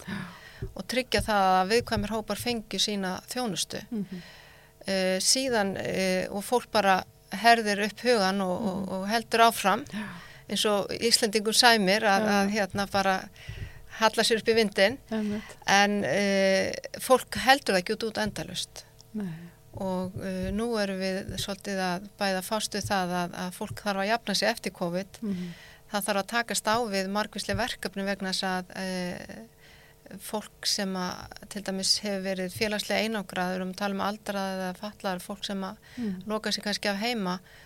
Og það er bara átaka að, hjálpa fólki að koma tilbaka út í samfélagið mhm, þetta gerist nefnilega ekki sjálfur sér nei, það þarf að vinna í þessu Þannig að það eru alls konar Já. áskoranir eftir COVID. Það er Já. ekki bara það að, að þessi fylgta fólki með, með veik lungu og Nei. eftir eða Nei, það er svolítið Það sviðin margar jörð. fé- svolítið félagslegar- sviðin jörð. já, Mhm, marga félagslegar áskoranir líka já. En samtali sem þarf að eiga sér stað, það þarf að vera svolítið stort og Já, vitt Og markvist. og markvist. Vegna þess að, að hérna, eins og þú bendir á og við höfum rætt hér að þá var mönnunarvandi og nýliðunarvandi fyrir Mhm. COVID. Síðan bara uh, brettu við öll upp ermar og við rettuðum því Já. en það rettast ekki endalust. Nei. og það þarf að gera, það þarf aðgerðir til þess að fjölga Mhm. nemum í þessum heilbríðsgreinum. Það þarf í fyrsta lagi að kortleggja hver er staða, Mhm. þannig að við getum gert mannaflarsbá sem byggir á, á góðri tölfræði, hún er Mhm. ekki til Nei. Og hérna, þannig að já, við, þyrftu það að vera ráðunautin, sérst bæði helbriðsráðunayti og félagsmálaráðunayti og eitthvað svona, sko það eina sem við höfum þegar við erum að skoða hérna fjöldatölur yfir heilbríðstjættir, það við höfum starfsleifaskra landlæknis. Já. Þannig að við vitum til dæmis að það eru 400, svo ég tek mína stjætt sem dæmi, 460 eitthvað yfirþjólar sem hafa fengið starfsleif á Íslandi. já, E, það eru 300, já það er 100 færri í rauninni e, starfandi Mhm. E, og það skýrist af því að, að sumir konar aldur, þetta geta hafa verið erlendir yfirþjólar sem eru komnir og farnir Mhm. og annað slíkt. Þannig að við höfum, og svo höfum við náttúrulega fjöldatölur hjá stjættafélagunum Mhm. Þannig að, að hérna, já, rík, ráðuneytin þurfa að koma að þessu og, og Mhm. ríkistofnarnar eins og sjúkrásun og heilbyrðistofnar þurfa bara að telja hvað þurfum við, marga hausa hér Mhm. og, og hvað þurfum við eftir fimm ár og svo framvegis. Einmitt. Og með því að leggjast á ára saman félögin, stjættafélögin Mhm. og, og, og hérna stjórnvöld, þá er hægt að telja þetta og Mhm. gera einhvern gagnagrunn um það. Uh, það hefur ekki verið gert svona heildstætt að mínu Þetta hefur viti. ekki fyllt með í helbriðs áallununum til dæmis. Nei, Nei. það hefur verið stopnað landsráð um, um mönnun og mentun heilbríðstjætta og Mhm. það er svona verið að gera tilröðin til þess að Mm. kortleggja þetta en við höfum það ekki, Mhm. Það er ekki, ekki sko. hendi, ekki enda, nei. Nei. Heyrðu, við bara vonandi sjáum við þetta verða veruleika og gangi ykkur vel Takk fyrir að það. berjast fyrir þessu áfram Takk og takk ykkur fyrir komuna. Takk, Takk fyrir að fá okkur. Takk fyrir okkur. Já, komið þið sæl og velkomin í feminiskar fréttir vikunar. Hér hjá mér uh, eru uh, í frétta, feminiska fréttahorninu, það er Margrét Pétursdóttir og Andrea Helgadóttir. Velkomnar. Takk. Við ætlum aðeins að svona fara yfir kannski það helsta af svona, því sem við getum flokkað sem feminska fréttir eða það sem við geta hort á með feminsku gleruanum í þessari viku. Við ætlum kannski bara að byrja á því að, tala aðeins við ykkur um eflingaverkfallið. Uh, Við höfum svona verið aðeins að fókusera á það líka hérna síðustu tvo þætti held ég. Uh, hérna, uh, sko ég hjá nú eftir því að Solveig Anna kom í rauðaborðið um daginn og þar var hún að mynda að tala um það að það væri svo merkilegt að þegar að lálenakonur eru að fara í verkfall þá hefur engin áhuga að tala við þar svo þegar bílstjórarnir voru að fara í verkfall þá allt í hennu byrjuði fjölmiðlar að ringin og spyrja, getur við ekki fengið að tala við einhverju að kalla? Þá var það allt í hennu orðið svona valit að tala við einhvern sem var að fara í verkfall en ekki með lálenakonunar þannig að hérna, þetta, það kemur svona þessi, já, hvern rétt þetta vingill á ymsum stöðum í gegn í, í tengslu við verk, verkfall og þessar kæra barstu öflingar en það var fleira sem gerist í vikunni vanandi þetta. Já. Til dæmis eins og pistillin annar sólegar Já, það var hérna kom svona í framhaldinu eftir síðasta meðugudag, þá kom grein eftir hann Stefán Ólarsson, og uh, hann vildi endilega að fleiri myndir sína ekki bara eflingöldu sólvegu önnustöðning það sem búið að vera fara íla með hana. En Sólvei Tómasdóttir var svo sem ekki tilbúin í það. Uh, tók þetta þannig að, að veri væri að byggja um sérstakann stöðning við sól, sólvegu önnu. En, en hérna E, hún svo sem bara má meta það þannig, hún þarf ekki að gera það mm -hmm. en henn er alveg frjálsta að, að sína stuðning hver sem henni sínist mm -hmm. e, en það er náttúrulega þegar að mannskeið svo Sólei Tómasdóttir er komið, hún er með þó nokkur völd svona innan sískeira, það má segja þessi svo. Hún er alltaf mikið feministi nákvæmlega fólk tekur marka á henni. Já. en þá er kannski allt í lagi bara þó að Sólei og Anna hafa verið vondu vinkoninar að þá má Sólei kannski bara þeia það er líka allt í lagi. Já, og kannski, og ég veit eins og að Sólei er bara mjög, uh, hún stiður lálunakonur, mm. hún er bara mjög öflugu feministi og ég er alveg vissum að næst þegar hún situr á kanni, þá mun hún hugsa til þeirra sem er inn í eldhúsinu að fara að vaska upp björglusun og þrýfa borðinu eftir. Já, já. Þetta var svolítið svona, það voru margir sem að bentu á einhverju einhver svona gamlar yfirlýsingar þar sem að, emitt, hún er að styðja við hérna lauruglu stjóran á höfburgsvæðinu eða eitthvað eða svona og er að bakka upp konur fyrir að hérna ekki sjá þær hlusta Já, og svona þú veist kom fram sko bakka upp feminista sem eru virkilega úti að berjast, að berjast. og eru að drukna já. að þá eigi feminista að Standi taka sér til og, já, já, og standa, og standa með þeim. og ég held að það, við séum ekkert í, í vafum það, svo hann er svo sem búin að vera á þýliku hundarsundi. Hvernig slæri þetta þig andra? Þú ert svolítið svona fylgis, getur, hefur fylgst svolítið náðu með baratunni? Já, mér fannst þetta hljómaði mjög undarlega fyrir mér einmitt sérstaklega þegar þetta var skoðaði ljósið þessara yflýsinga um hérna lauruglistjóra og þar var í rauninni meira segja sko bara tala um að, að þú veist að það ætti að bakka upp bara ekki þó, jafnvel þótt að það væri ekkit endilega vinsinu feministar, að það væri bara umdilt kona í fronti.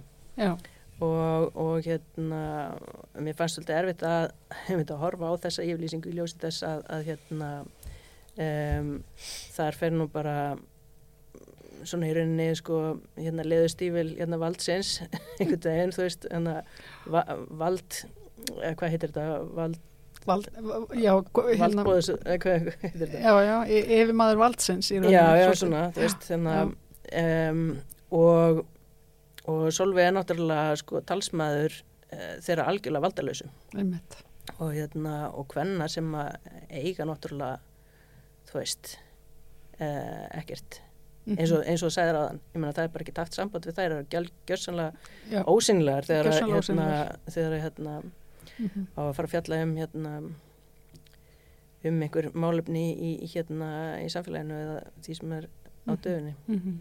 kannski bara svona dýrsta texta við tölun við konundar sem tala ekki íslensku.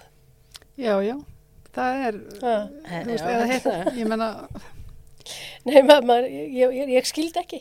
Því að ég, ég held að öll okkar sem hefum talað við þessa konu sko, það hafa því líka sögur að segja sko. Já, já, en það eru sko ég hef búin að til dæmis leita eftir við tali við, við konur sko og þá er, þá er spurningum að þær tala flestar litáesku eða eitthvað ennur tungumál sko er ekki kannski ekkit vola alltælandi á ennskvöndilega þannig að hérna en fyrir svona einhverja stopnun eins og rúf eða æg þið vitið einhverja fjölmela sem að hafa einhverja eitthvað fjármagn. Þetta ætti ekki að vera það ætti ekki að vera mikið vandamál. Þannig að hérna og ég held að það verið svona hefði feministka verkefni hafi alltaf verið sko þú veist að hérna að bjóða svona þessu hérna, stegvildi einhvern veginn byrgin og, og horfa, ég menna þarna erum við með típiska kvennastett sko Mm -hmm. veist, þarna er konan sem að bókstaflega, veist, eins og mamma en gengur um og tekur til eftir þú býr um rúmið skilur Einmitt. og, og hérna, mér finnst það nú bara svona eiginlega hálf forkastanlegt hvernig, hvernig hérna hægt er að hunsa í rauninni þess rödd þeirra og, og sko við erum líka bara með manneski sem að kemur fram og talar þeirra máli hún er mjög. Og mjög öflugur hérna talsmaður Mhm. og það er hérna í rauninni hálf förðulegt einmitt hvernig hérna uh, svona þessir hérna uh, þungavittar feministar hafa getað einhvern veginn hummað það eh, hérna fram á sér Já, einmitt. Nú finnst mér aðeins verkalisreifingin vera að vakna einhvern veginn og átt að sjá alvarleika málsins og það er svona heyrist meira finnst mér en ekkit anþá í feministunum sko. Þannig að hérna en það er búið að vera mikið, mikið hasar hjá eflingafólki í dag. Nú heyrði ég í frettónum áðan að lauruglan hefði kom, mætt fyrir utan Íslands hótel Já, og hérna Solveig hefði talað með varst það helviti flott, hún talaði bara við laurugluna á ennsku í gegnum gjallarhótt þannig að hérna hún sagði bara við viljum bara fá fimm manns inn. Þú veist og það snerist þetta bara um það að þeir vildi ekki hleypa fimm verkfallsvarðum inn á ég risið er stóra bara hótel. elma yfir um, um hérna stórfælt verkfallsbrot Já, á það er bara stórfælt örgulega verkfallsbrot í gangi. Já, Það það kom átti fram að líka. fara- í það það- það átt að fara í einhverju svona sightseeing túr með einhverja tvo á meðan henni hlupu hérna á henni álmunni eða eitthvað. Sko, er mjög augljós hérna yfir hilming já, nefnitt Algjörlega, og ég meina það kom fram að það væri verktakar sem þeim væri búin að kalla til þess að gangi í störfin sko. mm. þannig ég, ég ekki hissa. Maður átti alveg vona þessu frá þeim. Já, einmitt.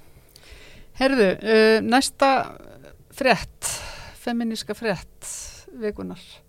Ég ætla aðeins að, hérna, mér langar aðeins að tala um frétt sem að uh, ég sá uh, bara í dag, byrtist í dag á RÚF, um, að það er stjórn, stjórnmálafræðingur sem hefur verið að rannsaka og sem að, uh, hérna, Uh, já, tala um það karl, grein, karlmenn sem skilgræna sig sem insel upplifa sig sem fornalömp finnist sem, sem þeir eigi rétt á kynlífi eins og það sé bara uh, og það sé verið að svíkja þá um það að því að þeir hérna, eitthvað gangi ekki út eða eitthvað.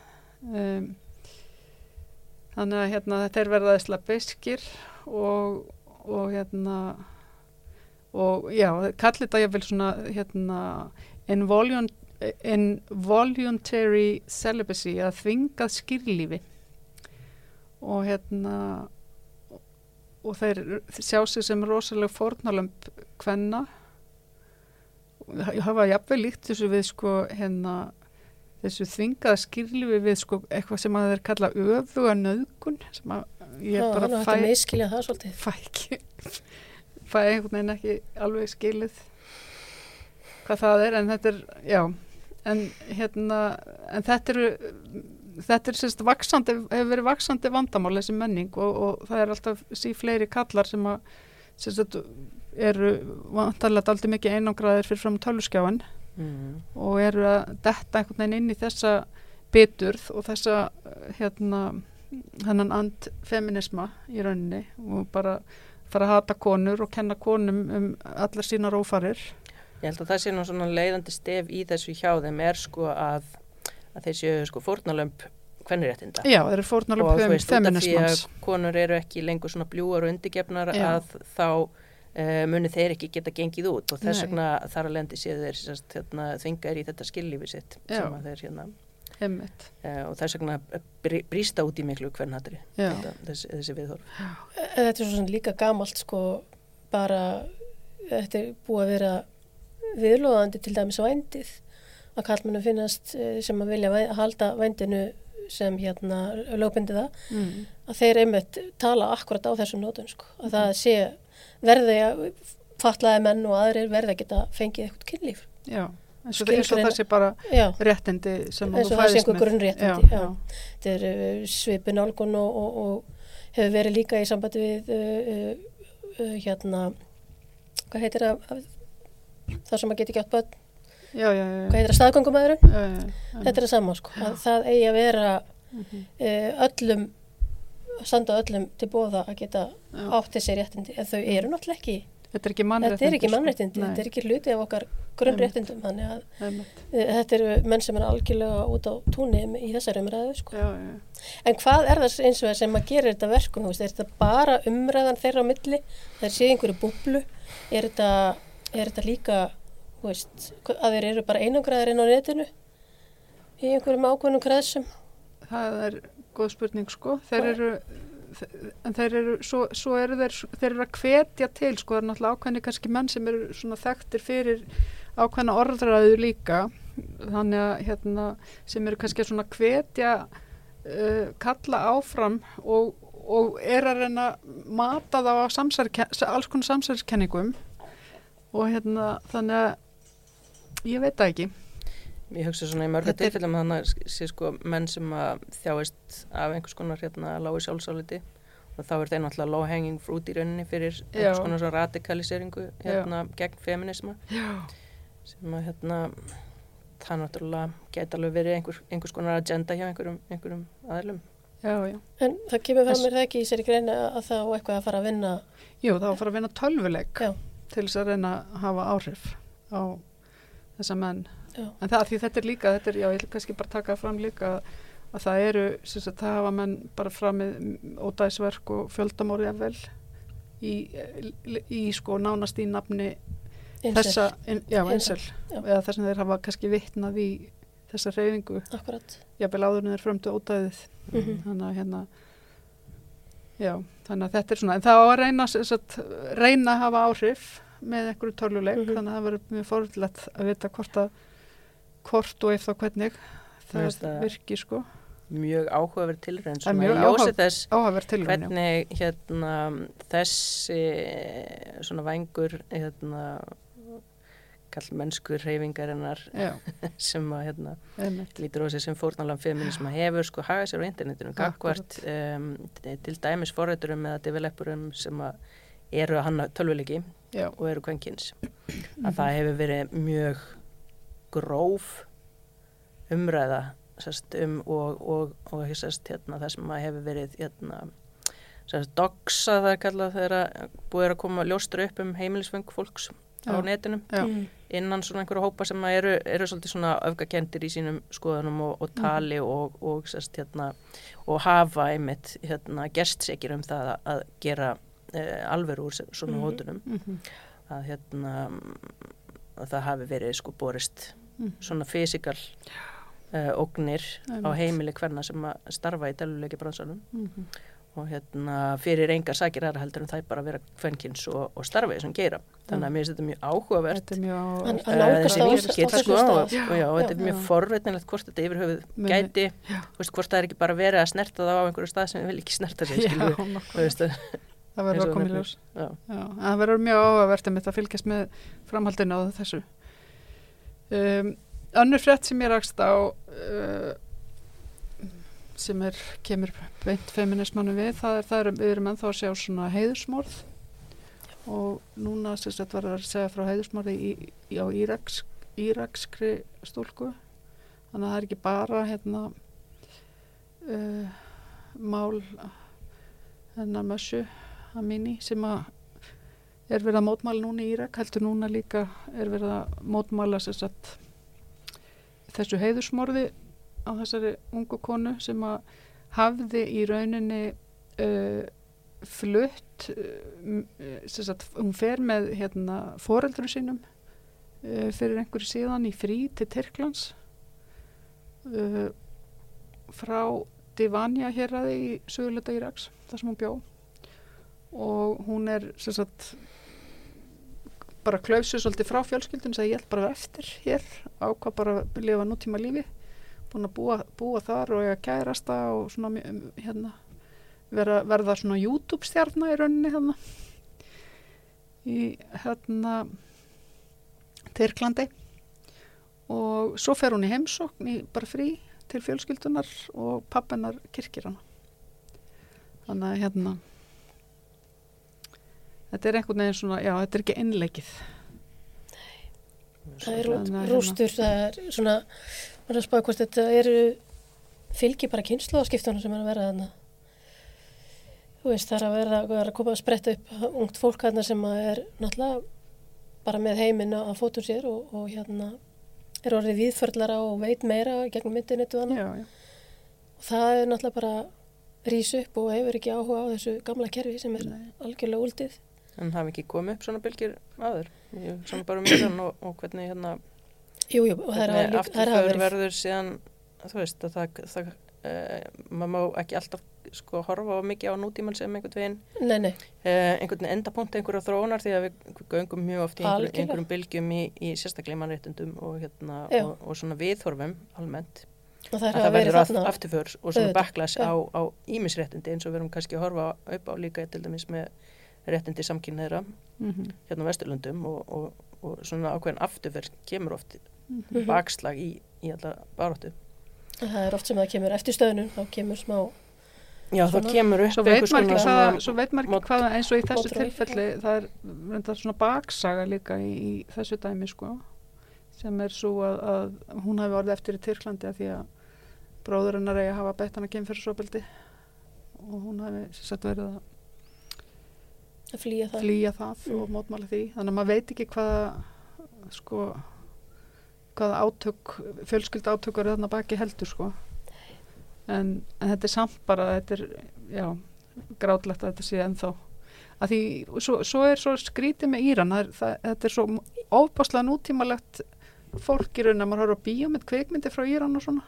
Veist, það er margt í rauninni svo ótrúlega vestrænt við uh, íransku þjóðina með að við margar nákvæmna þjóðir hana þannig að, hérna, að því þeir voru náttúrulega líka svo vestrænir þangað til að lifðu tekur við. hérna, tiltrúlega mikið. já, þannig að þetta er daldið ólíkt sko þjóðanum hann í kring.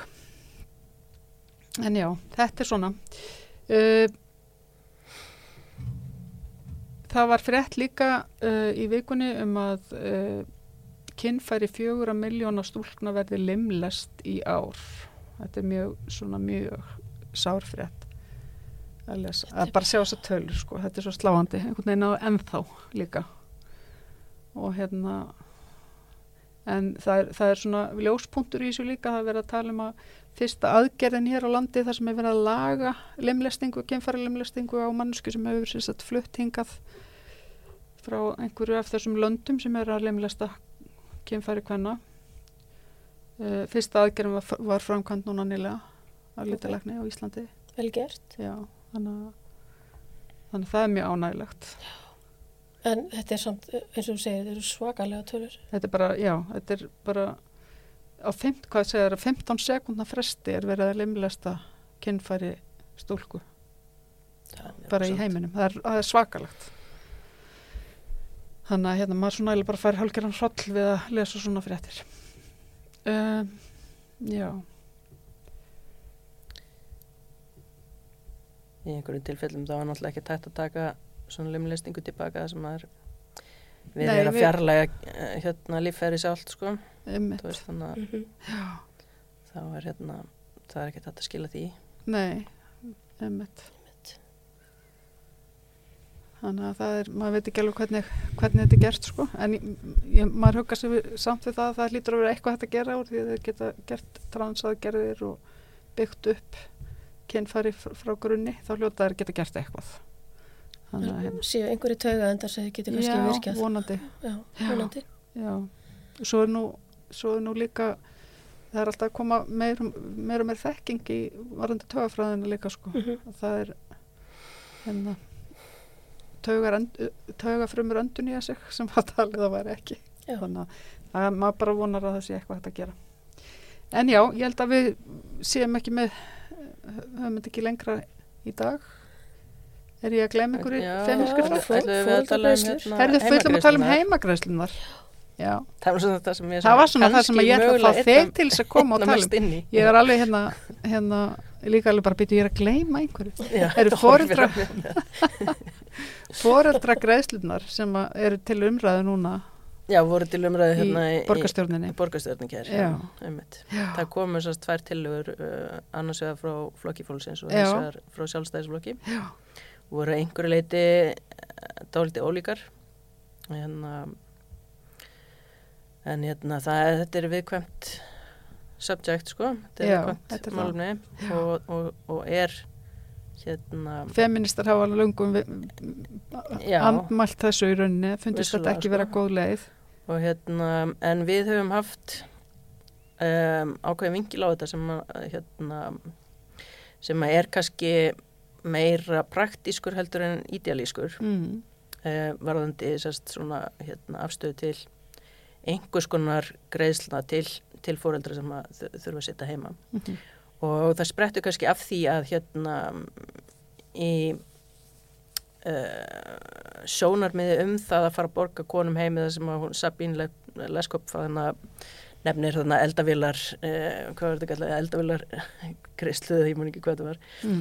og, og hérna og við þurfum um það að sko að, að í 95% tilvillum sé það konan sem að tekur við greiðslinu og, og Mhm. hangir svo heima með barnið og svona Mhm. en við erum alltaf að horfa á ákveði vandamál hérna í borginni og það er að hérna fæðingarólofið það, því sleppir áður heldur en að leikskóladvöl getur hafist. Og það eru bara fullt af fóreldur sem að hanga þarna í lausulofti og það er ekki þannig að það sé verið að sko að búa til, í okkar huga allavega ekki sko, eða eigi að búa til eitthvað svona hliðakerfi þar sem að, þar sem að sérstaklega eins og í tillögu selvstæðisflokksins átti í rauninni bara að borga fólki þú veist uh, þennan pening og, og borgin hefur náttúrulega enga forsendu til þess að fylgjast með því hvort að fólk er heima Mhm. að gefa banninu sínu þessa gæðastundir sem að ættu í rauninni að það er það sem að fyrstu fimm hafa verið að kalla eftir varandi sko lengingu fæðingarlofs Einmitt, og ef, þetta- ef þetta ætti að vera einhvers konar staðgengi til þess uh, sem að borgin tækja að sér að, að framkvæma fyrir hönd sérst, hérna, í rauninni ríkisins Mhm. sem að, það á í rauninni ætti Mhm. undir öllum meðlum kringustæðum að lengja fæðingarólof Mhm. þannig að þetta væri raunhafi valkostur og það eru margar ástæði fyrir því Mhm. Að hérna uh, en það er sérst að ríki sem uh, skattheimtuvald Mhm. getur fylst með því að fólk sé í raun og veru að að, sérst, að vera heima með barninu sinu, það getur borgin ekki neitt gert Mhm. og hérna og það er ekkert eitthvað sem við myndum vilja sjá en það, hafa börn gott af því að, hérna, að, að læra samskipti og það er, það er mjög ítalega námskrá um unnuna fagfólki um þessast sem að, sem að þekki til þróska barna og, og, og allt það Mhm. og hérna og hérna uppeldisfræði og annað og það er mikilvægt starf auðvitað og hérna og sérstaklega það sem að einmitt Sabín hefur komið inn og er, er varandi hérna uh, börnaverlendum uppruna Mhm. að þarna fer fram mjög mikilvæg hérna íslensku kjensla til dæmis og það að sko Já. að fólk sérst fái og líka bara það að verði ekki einhver einangurinn Mhm. meðal þeirra sem eru sérst ekki, ekki með Mhm. svona íslen, enna típiska íslenska bakgrunn Mhm. en hérna raunveruleikin er samt sá að í stöðunni eins og hennar núna þá er bara fólk heima Mhm. það bara fær ekki neitt borga fyrir það og í Já. flestum tilfellum, örgulega 95% tilfella er það konan, Já. þannig að þá er bara spurningin á maður ekki bara borga fyrir þetta Já. og nota sérst, hérna, þetta sem einhvers konar bráðabyrra laust Mhm. og með alveg mjög skýrum fyrirvara um að það sé aðeins til þess að leysa Mhm. uh, þennan bráða vanda sem stendur uppi á meðan það var náttúrulega búið að lofa þessu og það kannski kemur til af því að það var búið að lofa því að öll börn undir sérst, að, sérst, á 12, ára, 12 mánuða hérna, aldrei myndu komast inn. En eins og er að þá skilst mér að talan liggi uh, í 11% að við 11% 12 mánuða barna komist inn í leikskóla. Og það Já. er náttúrulega það er vandamál sem að þarf einhvern veginn að leysa. Og, og sérstaklega þegar fólk er, er stendur Já. sérst, í þessum sporum að vera bara að standa í miklum tekjumissi og, og hérna Einmitt. vandamálum. Ég og að var leysa, sko, náttúrulega leist upp í rauninni sko. Og ég, mér upp á að leysa jafnbreytsliðin á þessum máli sko. Og þá þurfti bara fóreldragreyslunar að vera nóg anskoti háar sko þannig að hérna Hvað kostar það að, að hafa manneski í starfi á leikskóla? ég bara er ekki með þær tölur svona. Ég meina, er, er, er, er búið að gera einhverja konun á því? Hva, hvað Ég held að hugmyndin hafi verið sko að taka, ég man nú ekki hvora tillögun það var, ég held að það hafi kannski mögulega verið bara flokkur fólksins. Mm. Það var með aðeins ítalegri greinagerð sem fylgdi hérna, þeirra tillögu að hérna að það ætti í rauninni bara að ganga út frá þeirri eh, eirnamertu fjárhæð sem að fylgi hverju batni inn í leikskólan Mhm. sem að tæknilega sé sparast af því að batni er ekki, Mhm. kemst ekki inn Mhm. og hérna og það ætti bara að fara, fara að ganga út frá henni og borga borga foreldrinu sem að Mhm. koninni líklega fyrir að að, hérna Vera heima með barnið. Já, Já, já. Heyrðu það verið mjög forrétnilegt að fylgjast með þróun þessa máls, Mhm. já, hvernig þetta endar. Uh, bara, ég ætla að þakka ykkur fyrir komuna og uh, ég ætla að uh, minna á uh, að þið geti lækað uh, síðu samstöðarinnar, uh, bæði á Facebook og YouTube og dreift efninu vegna þess að við erum bara okkar eigin dreifikerfi og þið geti gengið í alþjóðfélagið og síðu samstöðarinnar undir nafnum skráning en rauðaborðið verður ekki lengra að sinni í kvöld. Verðum hér aftur á morgun. Takk fyrir.